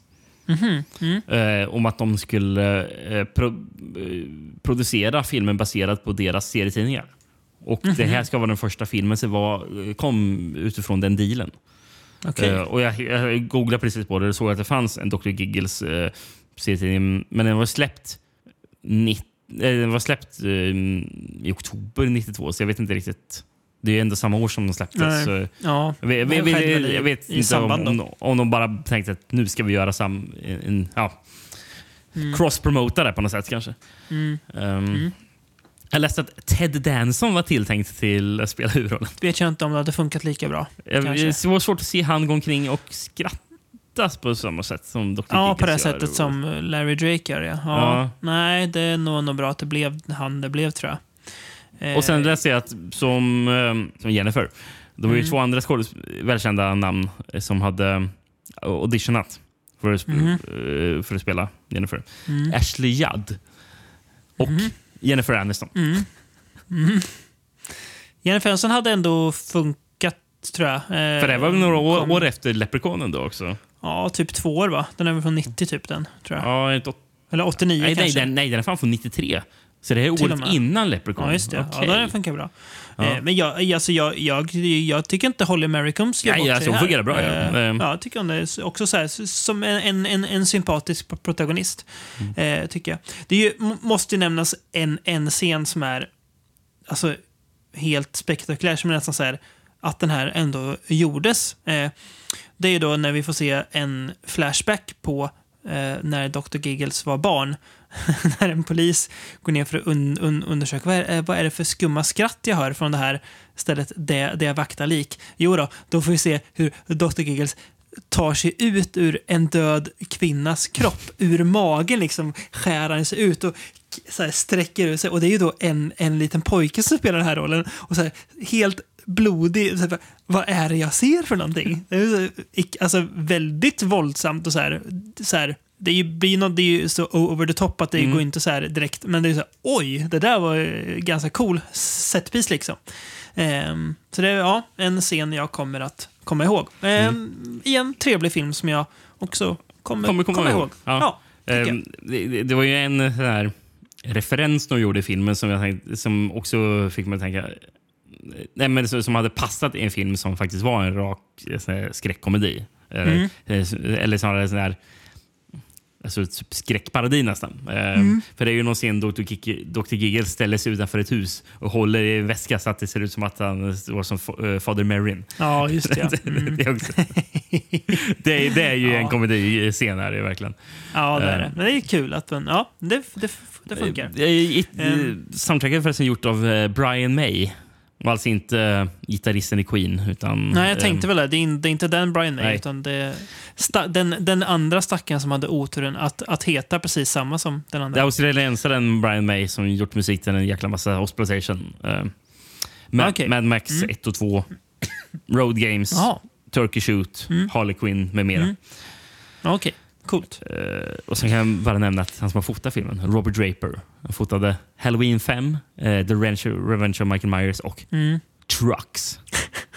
Trucks, ja. If you think that's bad, wait till you get my bill. Nu kommer vi till en film, Rickard, som Garanterat fanns på uh, svensk VHS. Ja, och som jag tar för givet att både du och jag har hyrt på VHS, eller? Jag har sett den här tiden, men jag har inte hyrt den. Ah, Okej, det, Mm. det kan jag säga, det har jag absolut gjort.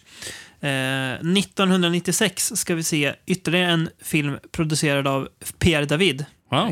Kanadensiska pengar i, i, den här filmen också. Ja, ja det är det. Eh, vill, vill man säga den engelska titeln eller vill, vill, vill, vill man ta den svenska titeln som man minns med vi, värme? Vi, vi, vi kan säga den svenska titeln, för alla alternativa titlar vi annars har är bara alternativa titlar på uh, amerikanska originaltiteln. Ja. Vilket den svenska titeln då lyder. Tandläkaren.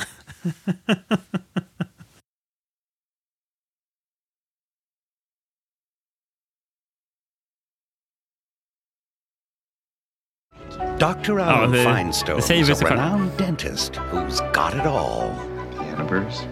A beautiful wife, a thriving practice, and an impeccable reputation. But behind the success is a man who's feeling the pressure. The IRS? You got real tax problems. When I tell you to do something, you do it.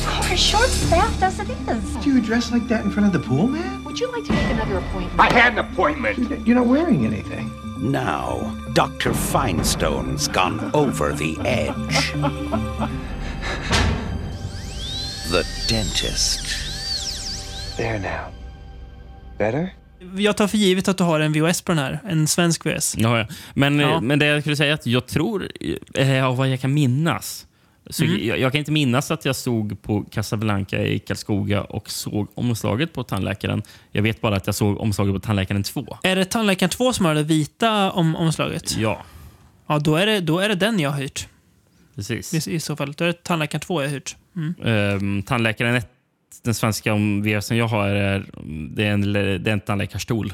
Och sen så ser man en hand som håller i en borr. Okej, nej, då har jag inte, eh, inte sett den i så Nej. fall. Nej, Eh, precis. Eller hyrt den. Då tar jag tillbaka. Ja, då är det Tandläkaren 2 som vi ja, kanske pratar om snart. Eh, Mm. Och Tandläkaren 2 har hade jag, in, hade jag inte sett tidigare. Det är bara Tandläkaren jag har sett Okej. in, innan Mm. det avsnittet. Ja. Ehm, den har en bra tagline. It's time for your final appointment. Mm. Ja, det är bra. Nu ska vi se. Svensk VHS. Mm. Utgiven av? Är det Scanbox? Eh, Jajamän, det är Scanbox. Fy fan. Att jag ändå tar den. Nu, nu känns det som att, att Scanbox är med i leken. Ja. Mm. Jag, ska, jag ska beskriva lite vad vi ser på omslaget också. För, för, Mm. På framsidan står det ett citat från Stockholms filmfestival. Där det bara står “Formidabel”. Står det vem som har sagt Nej. eller bara Det står någon, bara Stockholm Film- Film- Filmfestival under. Eh, någon som var på Stockholm Filmfestival som så, såg den filmen utbrast “Formidabel” och då tog Scanbox det och körde med det. Exakt. Ja. Ja. Sen så står det tandläkarskräck eller inte. Den här tandläkaren vill man inte besöka igen om man kommer levande därifrån. Eh, sen har den en tagline också. Varsågod och sätt dig. Rysaren som får dig att skaka tänder. Ja, det, ja.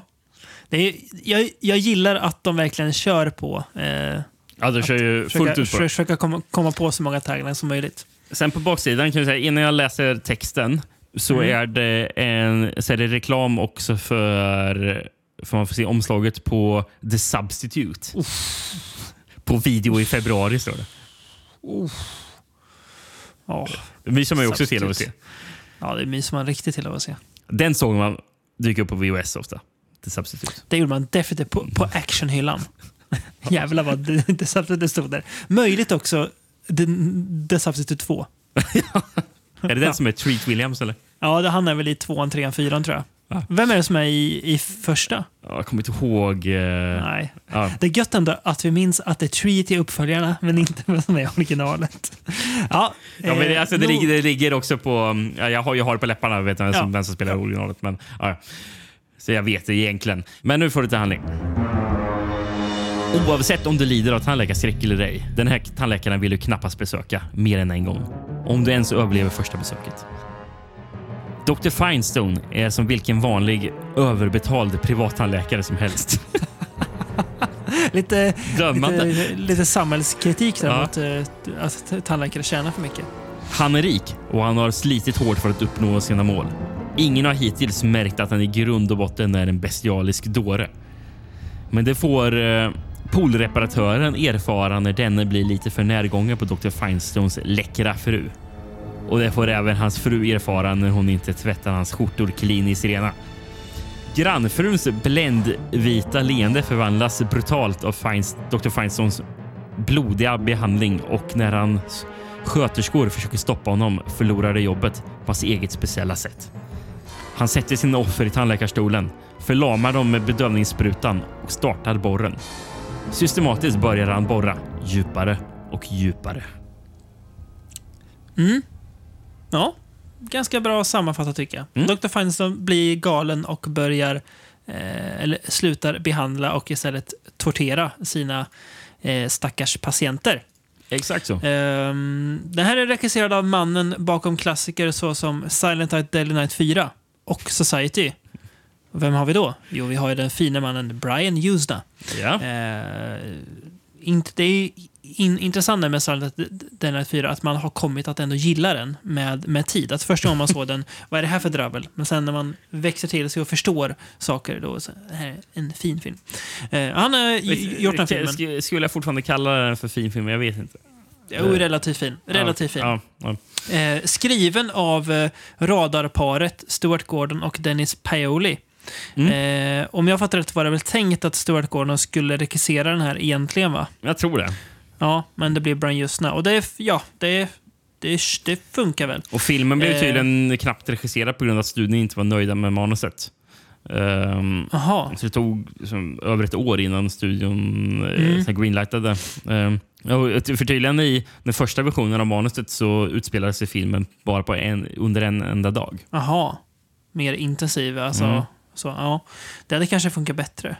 Och jag- I alla fall var det mer om- logiskt någonstans. Ja, ja, ja. Eh, Och så står det att uh, manuset slutligen också blev eh, omskrivet av Charles Finch. Jag hittade ingenting om Charles Finch, gjorde jag inte. Nej. Uh, Historieböckerna är inte snälla mot Charles Finch, men de är, minstans, de är snälla mot eh, Gordon och Paoli. Precis. Och Paoli har väl skrivit en jäkla massa av um, Gordon, Stuart Gordons filmer som Ja, Reanimator ja, till exempel. Exakt. Och From de har Beyond. ju jobbat jobba m- mycket ihop. Förutom det har han, Ehm. även, har han även skrivit um, Ghoulies 2. Som Ja. är Albert Band som har gjort det. Mm. Eh, sen har jag även skrivit um, Abel Ferraras eh, remake på Body Snatchers. Mhm. Den från typ Eller 95. Ja. han, han, hans remake Body Snatchers. eh, Det är väl Ja, Invasion exakt. of Body Snatchers. Eh, intressant på tal om det, här, att de, de, de två första gamla versionerna hette både Invasion of the Body Snatchers. Sen, sen kom Abbe Ferraras då, eh, Body Snatchers. Sen kom det en, en typ 2007 som bara hette The Invasion. Just ja, det är samma. Ja, just. Med Nicole Kidman, va, tror jag. Om jag det minns kan, rätt. kan, kan stämma. Ja, inte sett den dock. Eh, men ja, Mm. eh, det här... här ja, tandläkaren... Den här filmen är jävligt 90-tal kan vi säga. Ja, och jävligt mycket Brian Justna, Stuart Gordon. Alltså det är någon, någon, någon ton som är... Och det där är så jäkla mycket dem. Och det är svårt att säga, men det är så att det är så här, lite så skruvad variant av en alltså egentligen så här vardag. Alltså så här att det är ganska så här... Eh, det är egentligen inget spektakulärt, men det blir spektakulärt för att det blir... Det, blir så, det skruvar till liksom. Mm. Eh, det hela. Det är något så här med tonen som är väldigt mycket, mycket eh, dem på något vis. Eh, Alltså, hela looken på filmen är väldigt så här... För jag fattar den som att den extremt mycket 90-tal. Mm, och, och den är ju väldigt låg budget 90-tal också. För jag fattar det som att Mm. den, här den här filmen hade de inte mycket pengar att jobba med. Eh, Nej, den. och Hade de det syns Det är- ibland också. Ja. Men det, sen, eh, det är så här såpopera-foto. Är det. Allting är otroligt så här jämnt ljussatt. Det är så noll kontrast i bilderna. Är det som, all, Ja. alltid, varenda så här, detalj vid bilden är, är ljus. Mm. Vi jobbar inte med mörka skuggor och sådär. Ehm, eh, alltså, den påminner liksom till exempel om hur typ Ice Cream Man ser ut. Gör den också. Liksom. Ja, men, eh, men, men, men, men, men någonting som är liksom...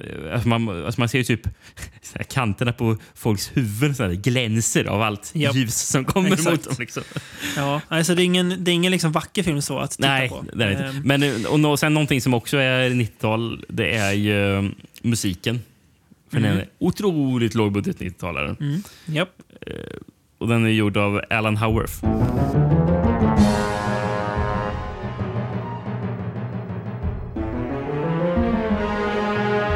Som ju har gjort eh, alltså rätt mycket bra. Han har gjort mycket med John Carpenter. Halloween 2 bland annat. Eh, jobbat på. Precis. eh, Men jag läste att Alan Howarth eh, komponerade hela, det här, hela filmens soundtrack på en helg. Ja, det, ja.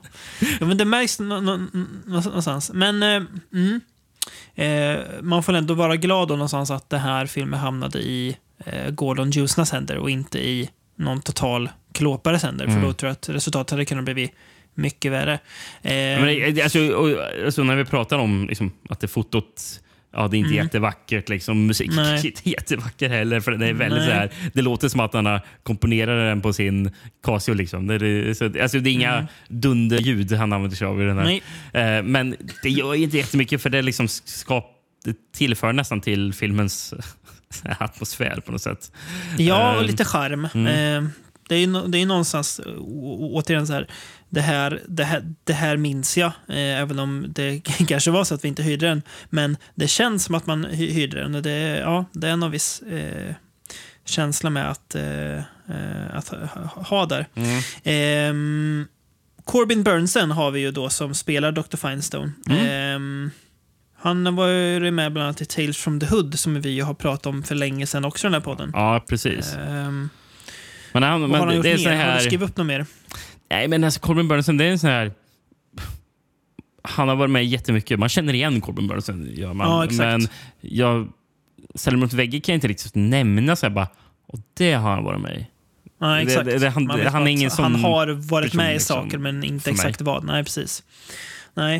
Eh, sen har vi då... Eh, som hans fru har vi då Linda Hoffman som vi är med i eh, Face-Off bland annat. Ja. Eh, Men det verkar inte ha någon och- stor roll, så hon hon har inte varit med i Nej. mycket. Hon, eh, Nej. eller- Och sen har vi då kultfiguren Ken Foree eh, Mm. som ju eh, har gjort sig en karriär på att eh, vara med i som ganska små roller i den här typen av film tack vare att han en gång var med i Dawn of the Dead. Eh, men eh, ja, alltså han, han, han är ju ofta rätt kul, Ken Foree. Jag tycker han, han funkar. Ja, eh, det gör han. gör, han, gör han här också. Precis. eh, Ehm. men, eh, och någon annan som dyker upp. I, i, i, i, Mm. när man är, alltså vi får ju se rätt så mycket ehm, med förklara, och för- och förklara skäl. Då eh, Corbin Burnson, Dr. Alan Finestone är Mm. i sin klinik. Och Japp. eh, det är ju, eh, man får ju bekanta sig väldigt mycket med patienterna som är där. För är ju, han verkar ju ha s- stammisar. Liksom. Han verkar väldigt så Mm. omtyckt Ja. bland alla. Ehm, och det, det är nog en ung tjej där som har väntat på att ta ut sin tandställning länge. Och det, Mm. sådär. Men, och sen så, vilken överraskning det blir, för det här hade inte jag läst om innan. Men tittar ut i väntrummet, vem fan är det som sitter där? Mark Ruffalo. Ja, en ung Mark Ruffalo. Och det som är mest fascinerande med hans karaktär, han är ju en riktig jävla sleazeball. ja, det är han. Han typ raggar ju på den här hon med tandställningen. 15-åriga tjejen. Ja, Jag och säger han, bara- han är ju där med, med, sin, med sitt barn och sin, sin fru. Ja, han, frågar henne liksom bara, har du funderat på att bli modell? Uh, Han är riktigt riktigt så här, så här, så här grooming-äckel verkligen. sitter där. Och det är, så, och det är ing, ing, ingenting som tas vidare. utan Det, det är bara där i en scen. Bara, Det är bara en konstig ja, detalj i det. Liksom. Det- Och det är, där, det där är ju som, det, det är sådana där grejer som är så ja, det där är just när Gordon eh, konstigt. Liksom, så här, varför är det där med för? Det är bara, det är bara konstigt. Ja. Någon annan som dyker upp som patient också, eh, som man också känner igen skådespelaren, det är Earl Bowen. Eh, Mm. Kanske mest känd för att han spelar eh, Dr. Peter Silberman i de tre första Terminator-filmerna. Mm. Han, han dyker upp som en ett så skruvad patient här. Ehm, som, jag, vet- jag vet inte riktigt vad, vad felet är på men någonting är riktigt... Jag, jag försöker skämta. Alltså, allt är bara skevt med, med människan. Mm. Är det? Men det är, det är mycket skevt med filmen. Jag, jag tänkte på det, det var bra du sa det här med såpopera-foto. Det är nästan så, så, lite så här såpopera-känsla över så här. Det är bara att, det, att karaktären är så himla så här. Vad är det för konstiga människor som är här? Det är så här, ja visst, Dr. Dr. Feinstein är ju galnast av dem alla, men det är ju inte många som är helt eh, som är så där. Det där är en, en helt vanlig, sund, frisk människa. Ja. Det är väl kanske hans, hans fru då, som ju Ja. inte är otrogen, för det är, det är bara något, något han får för sig att, att hon är. Hon är ju, gör egentligen inga fel alls. Precis, alltså han får ju för sig väldigt mycket. Det är bara att skruven har ju gått i hans skalle. Eh, för, alltså, anledningen till att han börjar operera på folk eh, våldsamt är ju för att han hallucinerar ju att folk har typ ruttna tänder. Ja. Och då börjar han, nu ska vi borra bort allting och sen så ser de andra bort, bara, ja. men det är ju inget fel. Liksom, vad Nej, gör du? Du exakt. skadar dem. Liksom. Men det, man måste bara, apropå karaktärer skumma. Ken Foree säger ju någon gång när han, när han träffar, ja, första gången han träffar Corbin, Corbin Burson. Mhm. You're a dentist right? You're just like a cop, a necessary evil. han är ju själv polis, Ken Foree. Liksom. Ja, exakt. Ja, intressant. Ja. Eh, men det är in, in, intressant med så här, filmer som man liksom minns eh, att man såg som ung och väldigt... Eh, eh, när man tog stora intryck av filmer på ett sätt man inte riktigt gör idag längre. Men att jag minns den här som, när jag satt med mig ner för att kolla på den här, uff, den här, här, här filmen ska jag inte äta till, för den här filmen är ju riktigt äckliga de här. Mm. Men grejen är att det, det var inte alls så äckligt som jag trodde. Det är ju någon scen som är lite uh, när han borrar, men det, den var, jag ska inte säga att den är tam, men det var, i mitt huvud så var den långt mycket värre än vad det faktiskt är. Mm. Eh, så där spelar minnena verkligen mig ett spratt. Nej, Eh, nej, alltså det är väl... Man får ju se en jävla massa närbilder på folks tänder och det kanske inte Mm. i folks munnar. Och det, I sig kanske inte är det trevligaste. eh, Även, om de, även innan man börjar borra och det blir blodigt. Liksom, Nej, så bara, så men ja, men det, det väl lite äckligt. Man får se se de här ruttna tänderna och sånt där. Men, Mm. Den är inte så våldsam som jag minns. Nej, Det- exakt. inte. Jag har för mig att det var mycket mer så här köttigt borrande. Liksom, men Mm. det är mindre än vad jag trodde. Eh, mm, Eh, eh, jag kan bara nämna en grej på han som hade fotat filmen. Mhm. Eh, Levi, eh, Levi Isaacs eh, Mhm. heter han. Han ersatte den första eh, fotografen som heter Dennis Maloney som egentligen skulle fota filmen.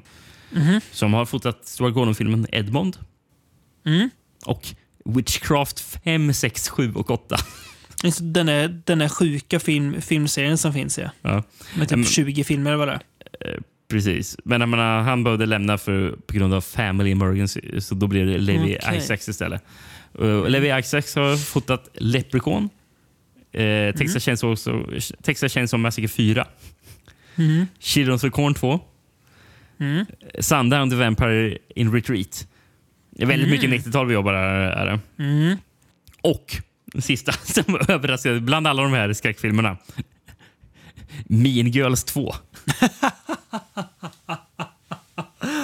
En film som väldigt få människor har sett, känns det som. Mm. Ja, verkligen. Ehm, ja, jag läste att, eh, förresten att eh, Justna och... eh, Jag fattade det som att...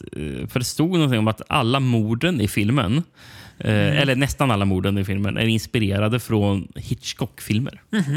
Eh, För, för, för det är ju det är någon scen han, eh, när någon patient får luft i, i sprutat i eh, armen. Eh, och Mm. hon, försöker, eh, hon försöker då nå ett- en sax. Mm. Och det ska vara från Dial M for Murder. Jag minns inte den scenen Mhm. från Dial M for Murder, Nej. men det ska tydligen vara så i hela filmen. Det stämmer säkert. Mm. Och den sista grejen, som är väldigt så här, in, intressant, eh, vilka, att det, vilka sammanträffande det är ibland. Ehm, Mm. Tre år tidigare var Corbin Burson med i en Mm. annan film som hette Mm. Beyond Suspicion. var en huvudroll. Eh, baserad på en bok som heter Appointment for Murder. Mm. Ehm, och där spelar han en eh, karaktär som är baserad på den verkliga seriemördaren Glennon Engelman som var tandläkare. Ja. Ja. ja. Så, så, han, så han har tidigare spelat eh, mördande tandläkare. Får en att tänka att världen är ganska liten ibland när saker bara går i cirklar. Eh, Mm. mm. Eh, har, jag, jag tänker att du har inga siffror på hur bra The Dentist gick när den kom. Eh, Nej, jag tror det finns, men jag skrev inte ner det. gjorde jag inte. men det måste ändå gått ganska bra. För vad finns det, Rickard, för någonting? Jaha, du menar att det, det finns en uppföljare? Ja. Det finns en uppföljare. Eh, precis. står att budgeten var uppskattad till 700 000 dollar. Det är lite. 96, ja. ja. Eh, men det står inte vad ni tjänade in. Nej. så Hittade ingenting. Men, Men den- två tjänare.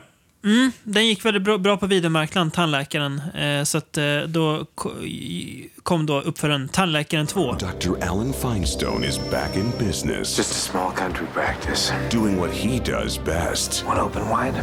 He's practicing under a new name. Jamie Devers and Dr. Lawrence Kane. Hi. Larry's just moved here to Paradise. I think I'm gonna like it here. And he's giving his patients Smile. the care they deserve. But his past won't stay buried. You look familiar. He's your worst nightmare. Oh my god! And he's going to drill you with fear. Killing is liberating. The Dentist too. Have you had your checkup? Open wide. Eller som den amerikanska heter, The Dentist 2, Brace Yourself. Ja, det är ganska fyndigt får man säga. Eh, Jag hade tydligen eh, working title D2 without Novocaine.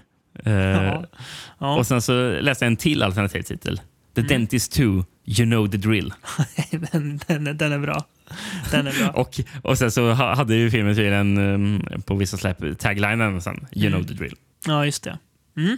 Scan, Men- en Scanbox-VS på den också, antar jag? In, eller har du några Ehm, alternativa titlar? Det är Scanbox. Jag har Ja. inga alternativa Nej, titlar. det är Scanbox igen. Och det är den här VHSen jag minns från Ja, då är det det också. Det är en, ett, ett kvinnoansikte som, som gapar med vass, typ så här, knivtänder var på omslaget och så är det vitt. Precis. Ja. Ja, Precis. Och jag minns att, att man såg den här på hyllan, Mm. det omslaget, och jag vågade inte vända på omslaget. Ja, jag, jag, jag jag, det- jag känner igen känslan. jag Det tänkte, det, kändes här liksom är... Det, förbjudet på något vis nästan. ja, men precis. Men alltså, för, man kanske bläddrar bland andra Mm. grejer som låg där vid skräck, men det där var liksom för mycket på något Mm, sätt. Var det. För, för, för, för det kändes som att det där är... Ja, jag, jag är inte där än. Nej, exakt, ja, men, ja. Ja. Men, ja, men, för den här har ju faktiskt också på omslaget ehm, som het, och det här har jag för mig att bidrog till att man inte ville Ja. vända på den. Eh, jag vände ju på den dock någon gång och då Ja, ångrar jag gjorde. Ja. Eh, eh, nej, men, nej, men det- för, för på omslaget står det Varning! Ses på egen risk. Så Typ en sticker nästan Mhm. som var, var på dem. Och sen så rekommenderas ej för dig med tandläkarstreck. Ja, just det. Eh, och sen står det har du, varit, har du en gång varit hos tandläkaren kommer du knappast boka en ny tid. Nej. Och sen så ovanför titeln Tandläkaren 2 står det En rotfyllning hade varit rena drömmen.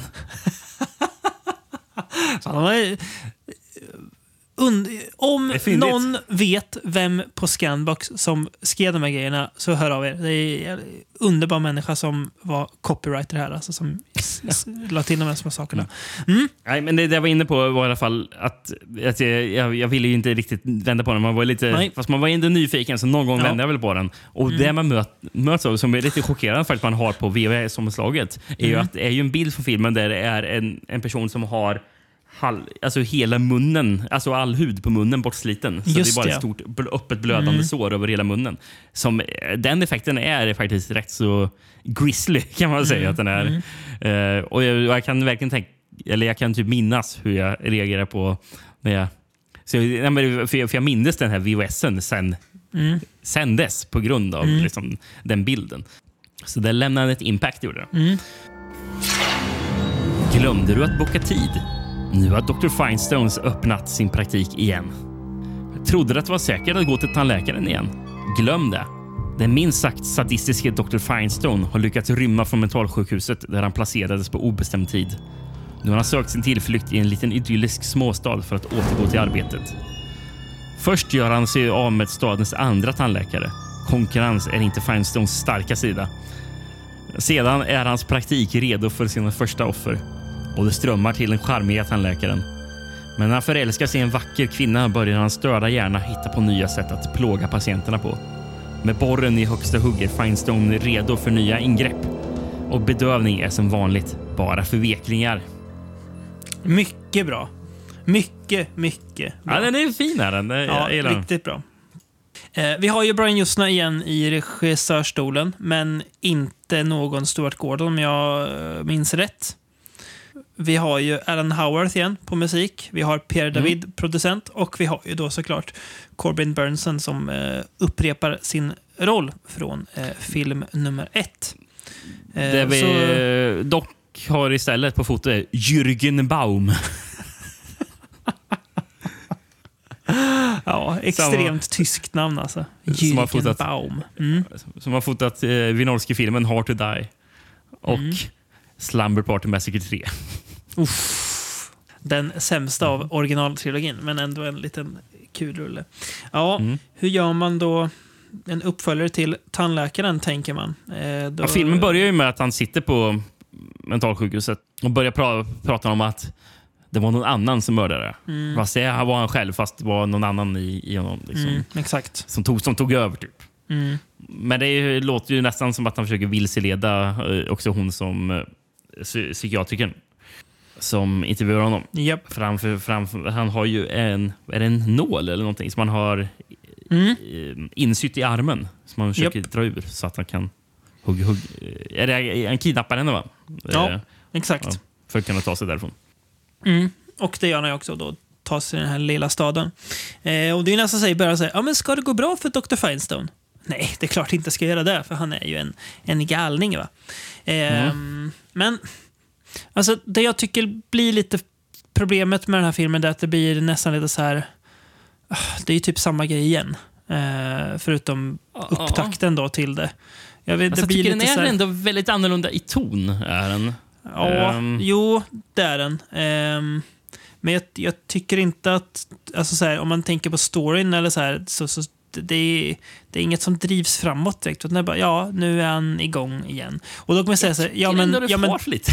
ja, jag, jag tycker inte det. Och det, det blir kanske ironiskt att jag säger det eftersom att jag ju gillar Fredag den 13-serien. Och där första fasen inte fram särskilt mycket heller handlingsmässigt. Men de filmerna har ju andra förtjänster som jag vet inte om den här riktigt har det. Alltså, alltså, det är väl, känns ibland lite överflödig nästan den här filmen tycker jag. Eh, Jag, jag tycker faktiskt Corbin Burnson är lite mer underhållande i den här filmen än i första. Ja, han är nog det. Titta på, Ehm, eh, följa. Han, han, det är han, ju- spelar, han spelar lite annorlunda och jag, jag, jag, Mm. jag, alltså jag, alltså jag tycker det är mer intressant. Ehm, så den här filmen har ju... eh, Jag kommer att tänka på typ en bit in i filmen. mm. Det här, den här handlingen påminner ju eh, väldigt mycket om The Stepfather. Ja, det gör det verkligen. Att han låstas Fast vara han är tandläkare som... Ja, jo, eh, eh, det känns väldigt mycket som den faktiskt. Mm. Men, ehm, men någonting som jag re- reagerade på och efter jag, jag kommer tänka på den detaljen Mm. så kan jag inte, så kunde jag inte släppa den. Nej. Eh, Vet du vem han påminner om i, i, i den här filmen när han går omkring i sin uh, rutiga skjorta där och försöker vara, för smälta in i stan? Nej. Så bitvis, lite då och då, Mm. påminner han om Walter White i Breaking Bad. det, ja. I, i, i, sitt i lite så irrationella beteende. Mm. Eh, eh, alltså typ de scenerna i Breaking Bad då det rinner över för Walt. Mm, Då, då är det Corbin Burnson här. Är det. Ja. Ehm, det, det är en scen till exempel, det, det var då det klickade för, för mig. Mm. Ehm, för han stannar vid ett stoppljus Mm. eh, orimligt, orimligt länge. Eh, för han börjar tänka på någonting och, och, då, och sen så reagerar han på att bilen bakom honom tutar på honom. Mm. Och, och, och då får man se att han blir så arg över att någon Ja, och, just den scenen skulle jag kunna se Ja. Volt också reagera på samma lite sätt. Liksom. falling down också. Fast Ja, precis. i tandläkarstolen. Ja, ja, men det är så. Eh, det den här filmen dock har som inte Tandläkaren 1 har, det är det, det viktigaste en film kan ha. Clint Howard. Dyker upp. Som, som vem då?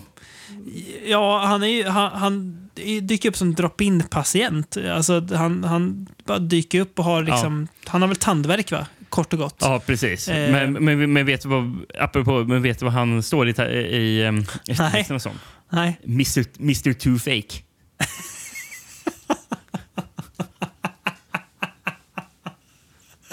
Så jävla... Och han är ju så här Clint Howard-goig som bara han kan vara. Eh, Och det, är- det är kul, för, hans, för, med. hans, han i hans roll, han, han är ju så bara jag tycker jag känner igen det från någonstans. För Det är ju varit på tv liksom, och i tidningar och han, hans eh, ansikte. Eh, och så han ligger i stolen så bara håller han på och pratar och bara I never forget a face. så han, så han, så han är ju bara återupprepar gång på gång Mm. att, han inte kom, att han inte glömmer bort ett ansikte. Exakt. Så bara, jag kommer ta det liksom. Mm. Bara, Nej, du ska nog inte tjata om det där för att du inte glömmer bort ett ansikte. Have you ever been to LA, Doc? Have, have we ever met before? God, I, I swear you look familiar. I'm, I'm terrible with names, but I never forget a face. Just last year, I picked out a guy at Dodger Stadium, two sections over. I, I knew I knew this guy from somewhere, but I just didn't know where. A- and then it hit me. St. Paul, 1983, Footwear Expo, Floorshine booth. I went over and checked it out. It was him. I never forget a face. Eh, sen är det, ju, det, det dy- dyker upp en, väldigt, en grej som är väldigt mycket Brian Justna i den här filmen. Vet du vad jag tänker på då? Kackerlackor. Ja, exakt. För det dyker upp kackerlackor i munnen på folk. Insekter och skalbaggar och sånt. Och kackerlackor det är ju Brian Justnas signum fan i filmer. Eh, så det, det ser ju då eh, Fineson någon gång när han får en så här eh, vanföreställning om en patients mun. Då ser han eh, kackerlackor dy- dyka upp där. Eh, ja, nej, jag vet inte. Jag blev lite besviken på den. här. Jag hade tänkt att det blir en upp, uppförelse med lite mer av allt. Men jag tycker att, ja, Corbin Burnson är lite mer av allt. Eh, och det finns väl en lite tydligare komisk ton i den här filmen. Mm. Men eh, mm, det hade behövts något mer. Jag vet inte. Jag, jag fastnar inte riktigt. Eh, någonstans. Nej. Nej, men jag, jag, alltså jag kan ändå förstå det. Jag, jag, jag, alltså jag fann ändå någon slags charm i det här lite ud- udda som Mm, den jo. här filmen är. Det förstår jag. Eh, Som jag, jag fastnar lite för. Mm. Den är lite långsam, men jag tycker att det inte gör någonting. Och det, Nej. jag, jag, jag, jag tyckte det var kul. Ja. Men vi måste säga en grej. Jag hittade Mm. världens bästa eh, grej här om eh, Mm. Corbin Burnson och eh, Clint Howard. Haha. Eh, när vi pratade om Clint Howard Mm. eh, sist, eller inte sist, men när Nej, vi hade Clint ja. Howard-avsnittet. Poddens hittills bästa avsnitt. Nej, men- Ja. Vi, ja, vi, vi, vi pratade ju om att vi jättegärna ville ha en, eh, vad heter det, en, en original Clint Howard, eller vad Mm. var det? En äkta, en äkta Clint Jag Howard. har ju fortfarande inte Eh, fått den. Snö, snö, alltså en snöglob. Ja, lyser med sin frånvaro. Eh, ja. Mm. Men i den här filmen får Mm. vi ju se en massa snöglober. Det tänkte jag. Hur, hur kunde jag inte tänka på det? Detektiven eh, går ju omkring med flera scener och bär omkring på en snöglob. Gör han. Och det är någon annan scen i filmen, också den snöglob som dyker upp. Det är flera gånger. Ja. Så jag undrar om Clint Howard har gjort de här, eller om de, för det här, eh, det här jag är så chockerad över. Ja. Corbin Burnson. Han har en av världens största snöglobsamlingar. Nej, det är inte sant. Det ska vara uppe på, eh, Corbin, Corbin Burnson ska vara uppe på 9000 snöglober. Han har ju garanterat en original Clint Howard hemma. Ja, alltså, Garanterat. De, de måste ju ha alltså, eh, gått ihop så bra på den här Ja, verkligen. eh, inspelningen. Prata snöglober liksom. Där man också velat se en så här, så här bonusmaterial typ på en Blu-ray. Talking Snow Globes. Conversations with Corbin Burns and, and Clint Howard. Bara sitta och snacka snöglober i 25 goda minuter. Why do I why do I care about snow globes? You know, there's something about this world trapped inside this ball. This is this is all there is to that universe and I sometimes think of maybe that's what we are to somebody else, you know. We're this little ball inside a greater universe and a greater plan. And I like that these are little like little cells that make up a greater body of of every, I mean, if you take all this stuff in the world, most of the cities of the world are represented. Most of the amusement parks are represented. Animals are represented.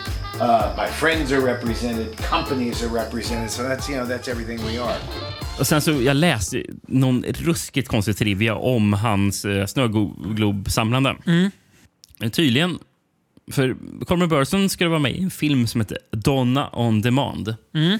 Eh, som för övrigt, på omslaget på den filmen så är det en bild på Corbin Burson och en snöglob. Mm. Mm. Ja, b- bara det.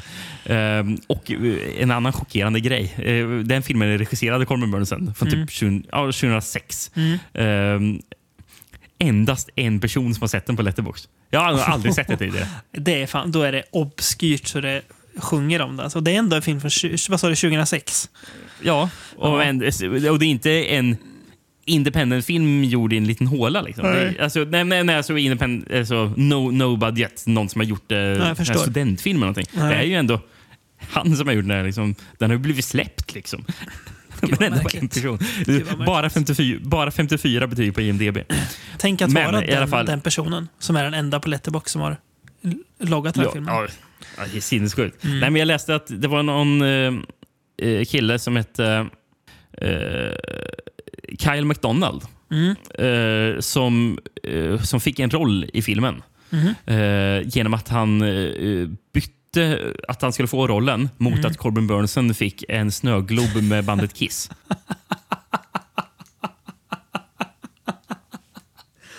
Alltså, ja, tänk att vi hamnar här, att vi sitter och pratar om, om Corbin Burnsons snöglobsamling.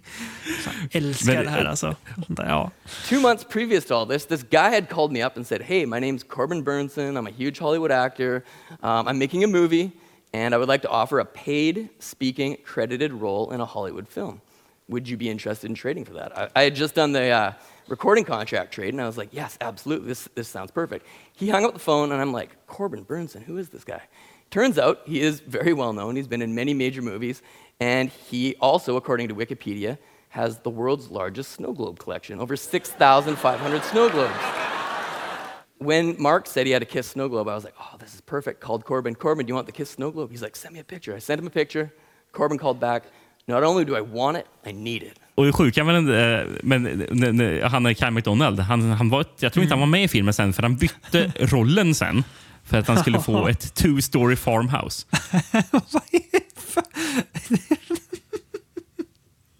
Jag vill köpa ditt hus.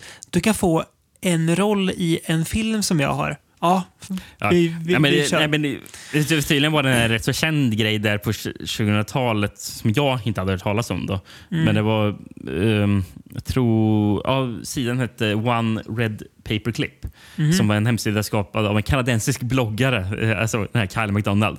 Som Mm. hade en, en tanke om att han skulle kunna från ett rött sån här pappers... eh, Vad heter det? Ja, ja, ja. Gem. Ja, men ett eh, rött gem, ja. Mm, mm. Skulle kunna byta eh, sig upp till ett hus. Och det lyckades han med då?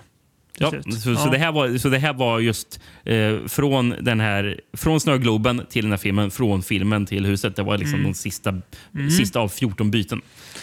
Går det att följa alla byten någonstans? Kan man läsa om dem? det- Eller? Ja. ja, ja, ja, ja, jag har dem här faktiskt. Ja, kan du ta, ta oss igenom? Det här, det här känns viktigt ändå.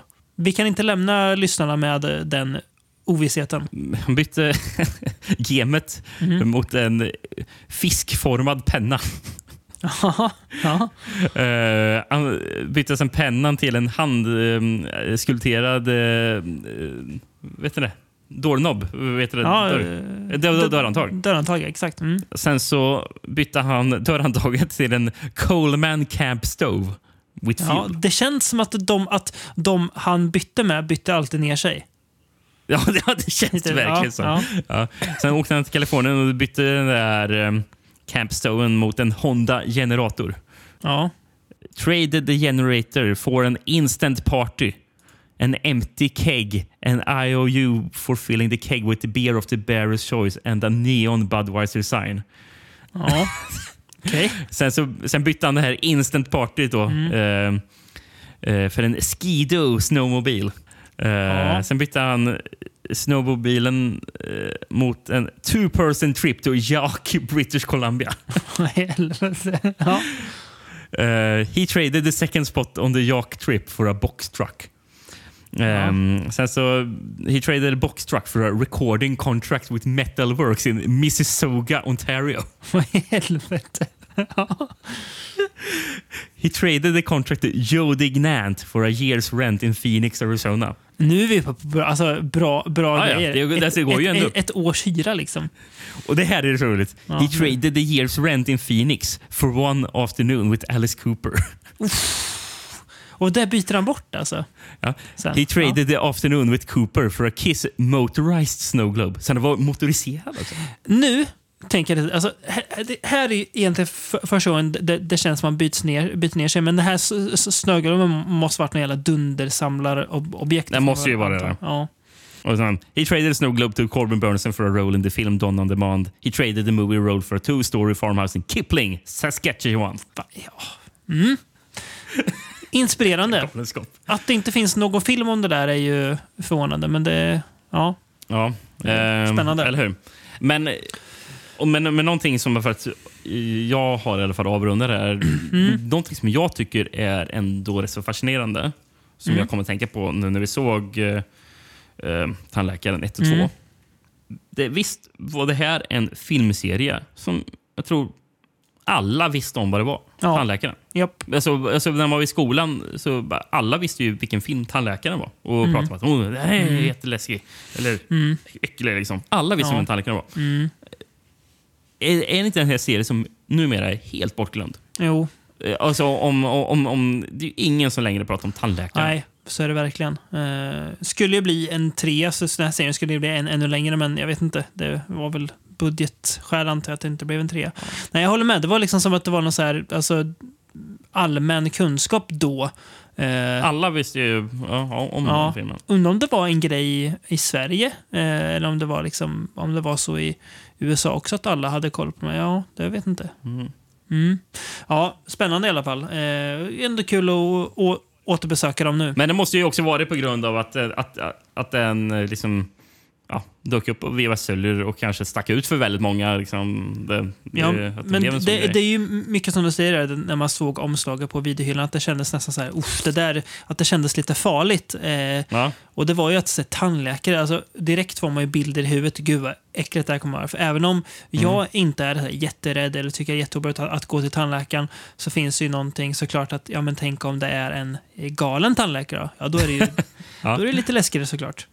Men Ehm, precis. Mm. Så det var, det var något, som, något som väckte någonting inom en som gjorde att alla hade koll. Det är, ja, fascinerande. Bra, bra spaning. Att det blev just de här filmerna. Mm. Det, mm. Ja, nej men eh, ett kul återbesök eh, ändå. Eh, även om jag kanske lät negativ kring tvåan. Jag tycker inte att den är dålig, bara att den känns lite så här, jaha. Alltså, så. Mm. Eh, mm. Har du, är du rädd för läkaren nu, Rickard, efter de här filmerna? Eller känner du dig trygg om du skulle hamna i, i vårdens händer någon gång? Så länge det inte är eh, Corbin Burnson eller Michael Ironside som står där. Ah, filmerna har väl inte riktigt gjort mig skraj. Och sen, och sen får man väl säga, i just Michael Ironside-fallet så är han ju inte läkare i filmen. Nej, det är han ju faktiskt inte. Han är ju Eh. bara på ett sjukhus. Ja, det är Eh, mm. Mm. Eh, nej, det är jag väl inte riktigt. Men, Ehm, men fast man kanske hajar till nästa gång ambulansen kommer där. Ja, så är det en riktig ambulans eller är det the ambulance? Det vet man aldrig. Mm, ehm, teasa lite till nästa podd tänkte jag. Ehm, eh, ska vi rikta strålkastarljuset mot en skådespelare som egentligen kanske är för stor för den här podden, tänkte jag säga.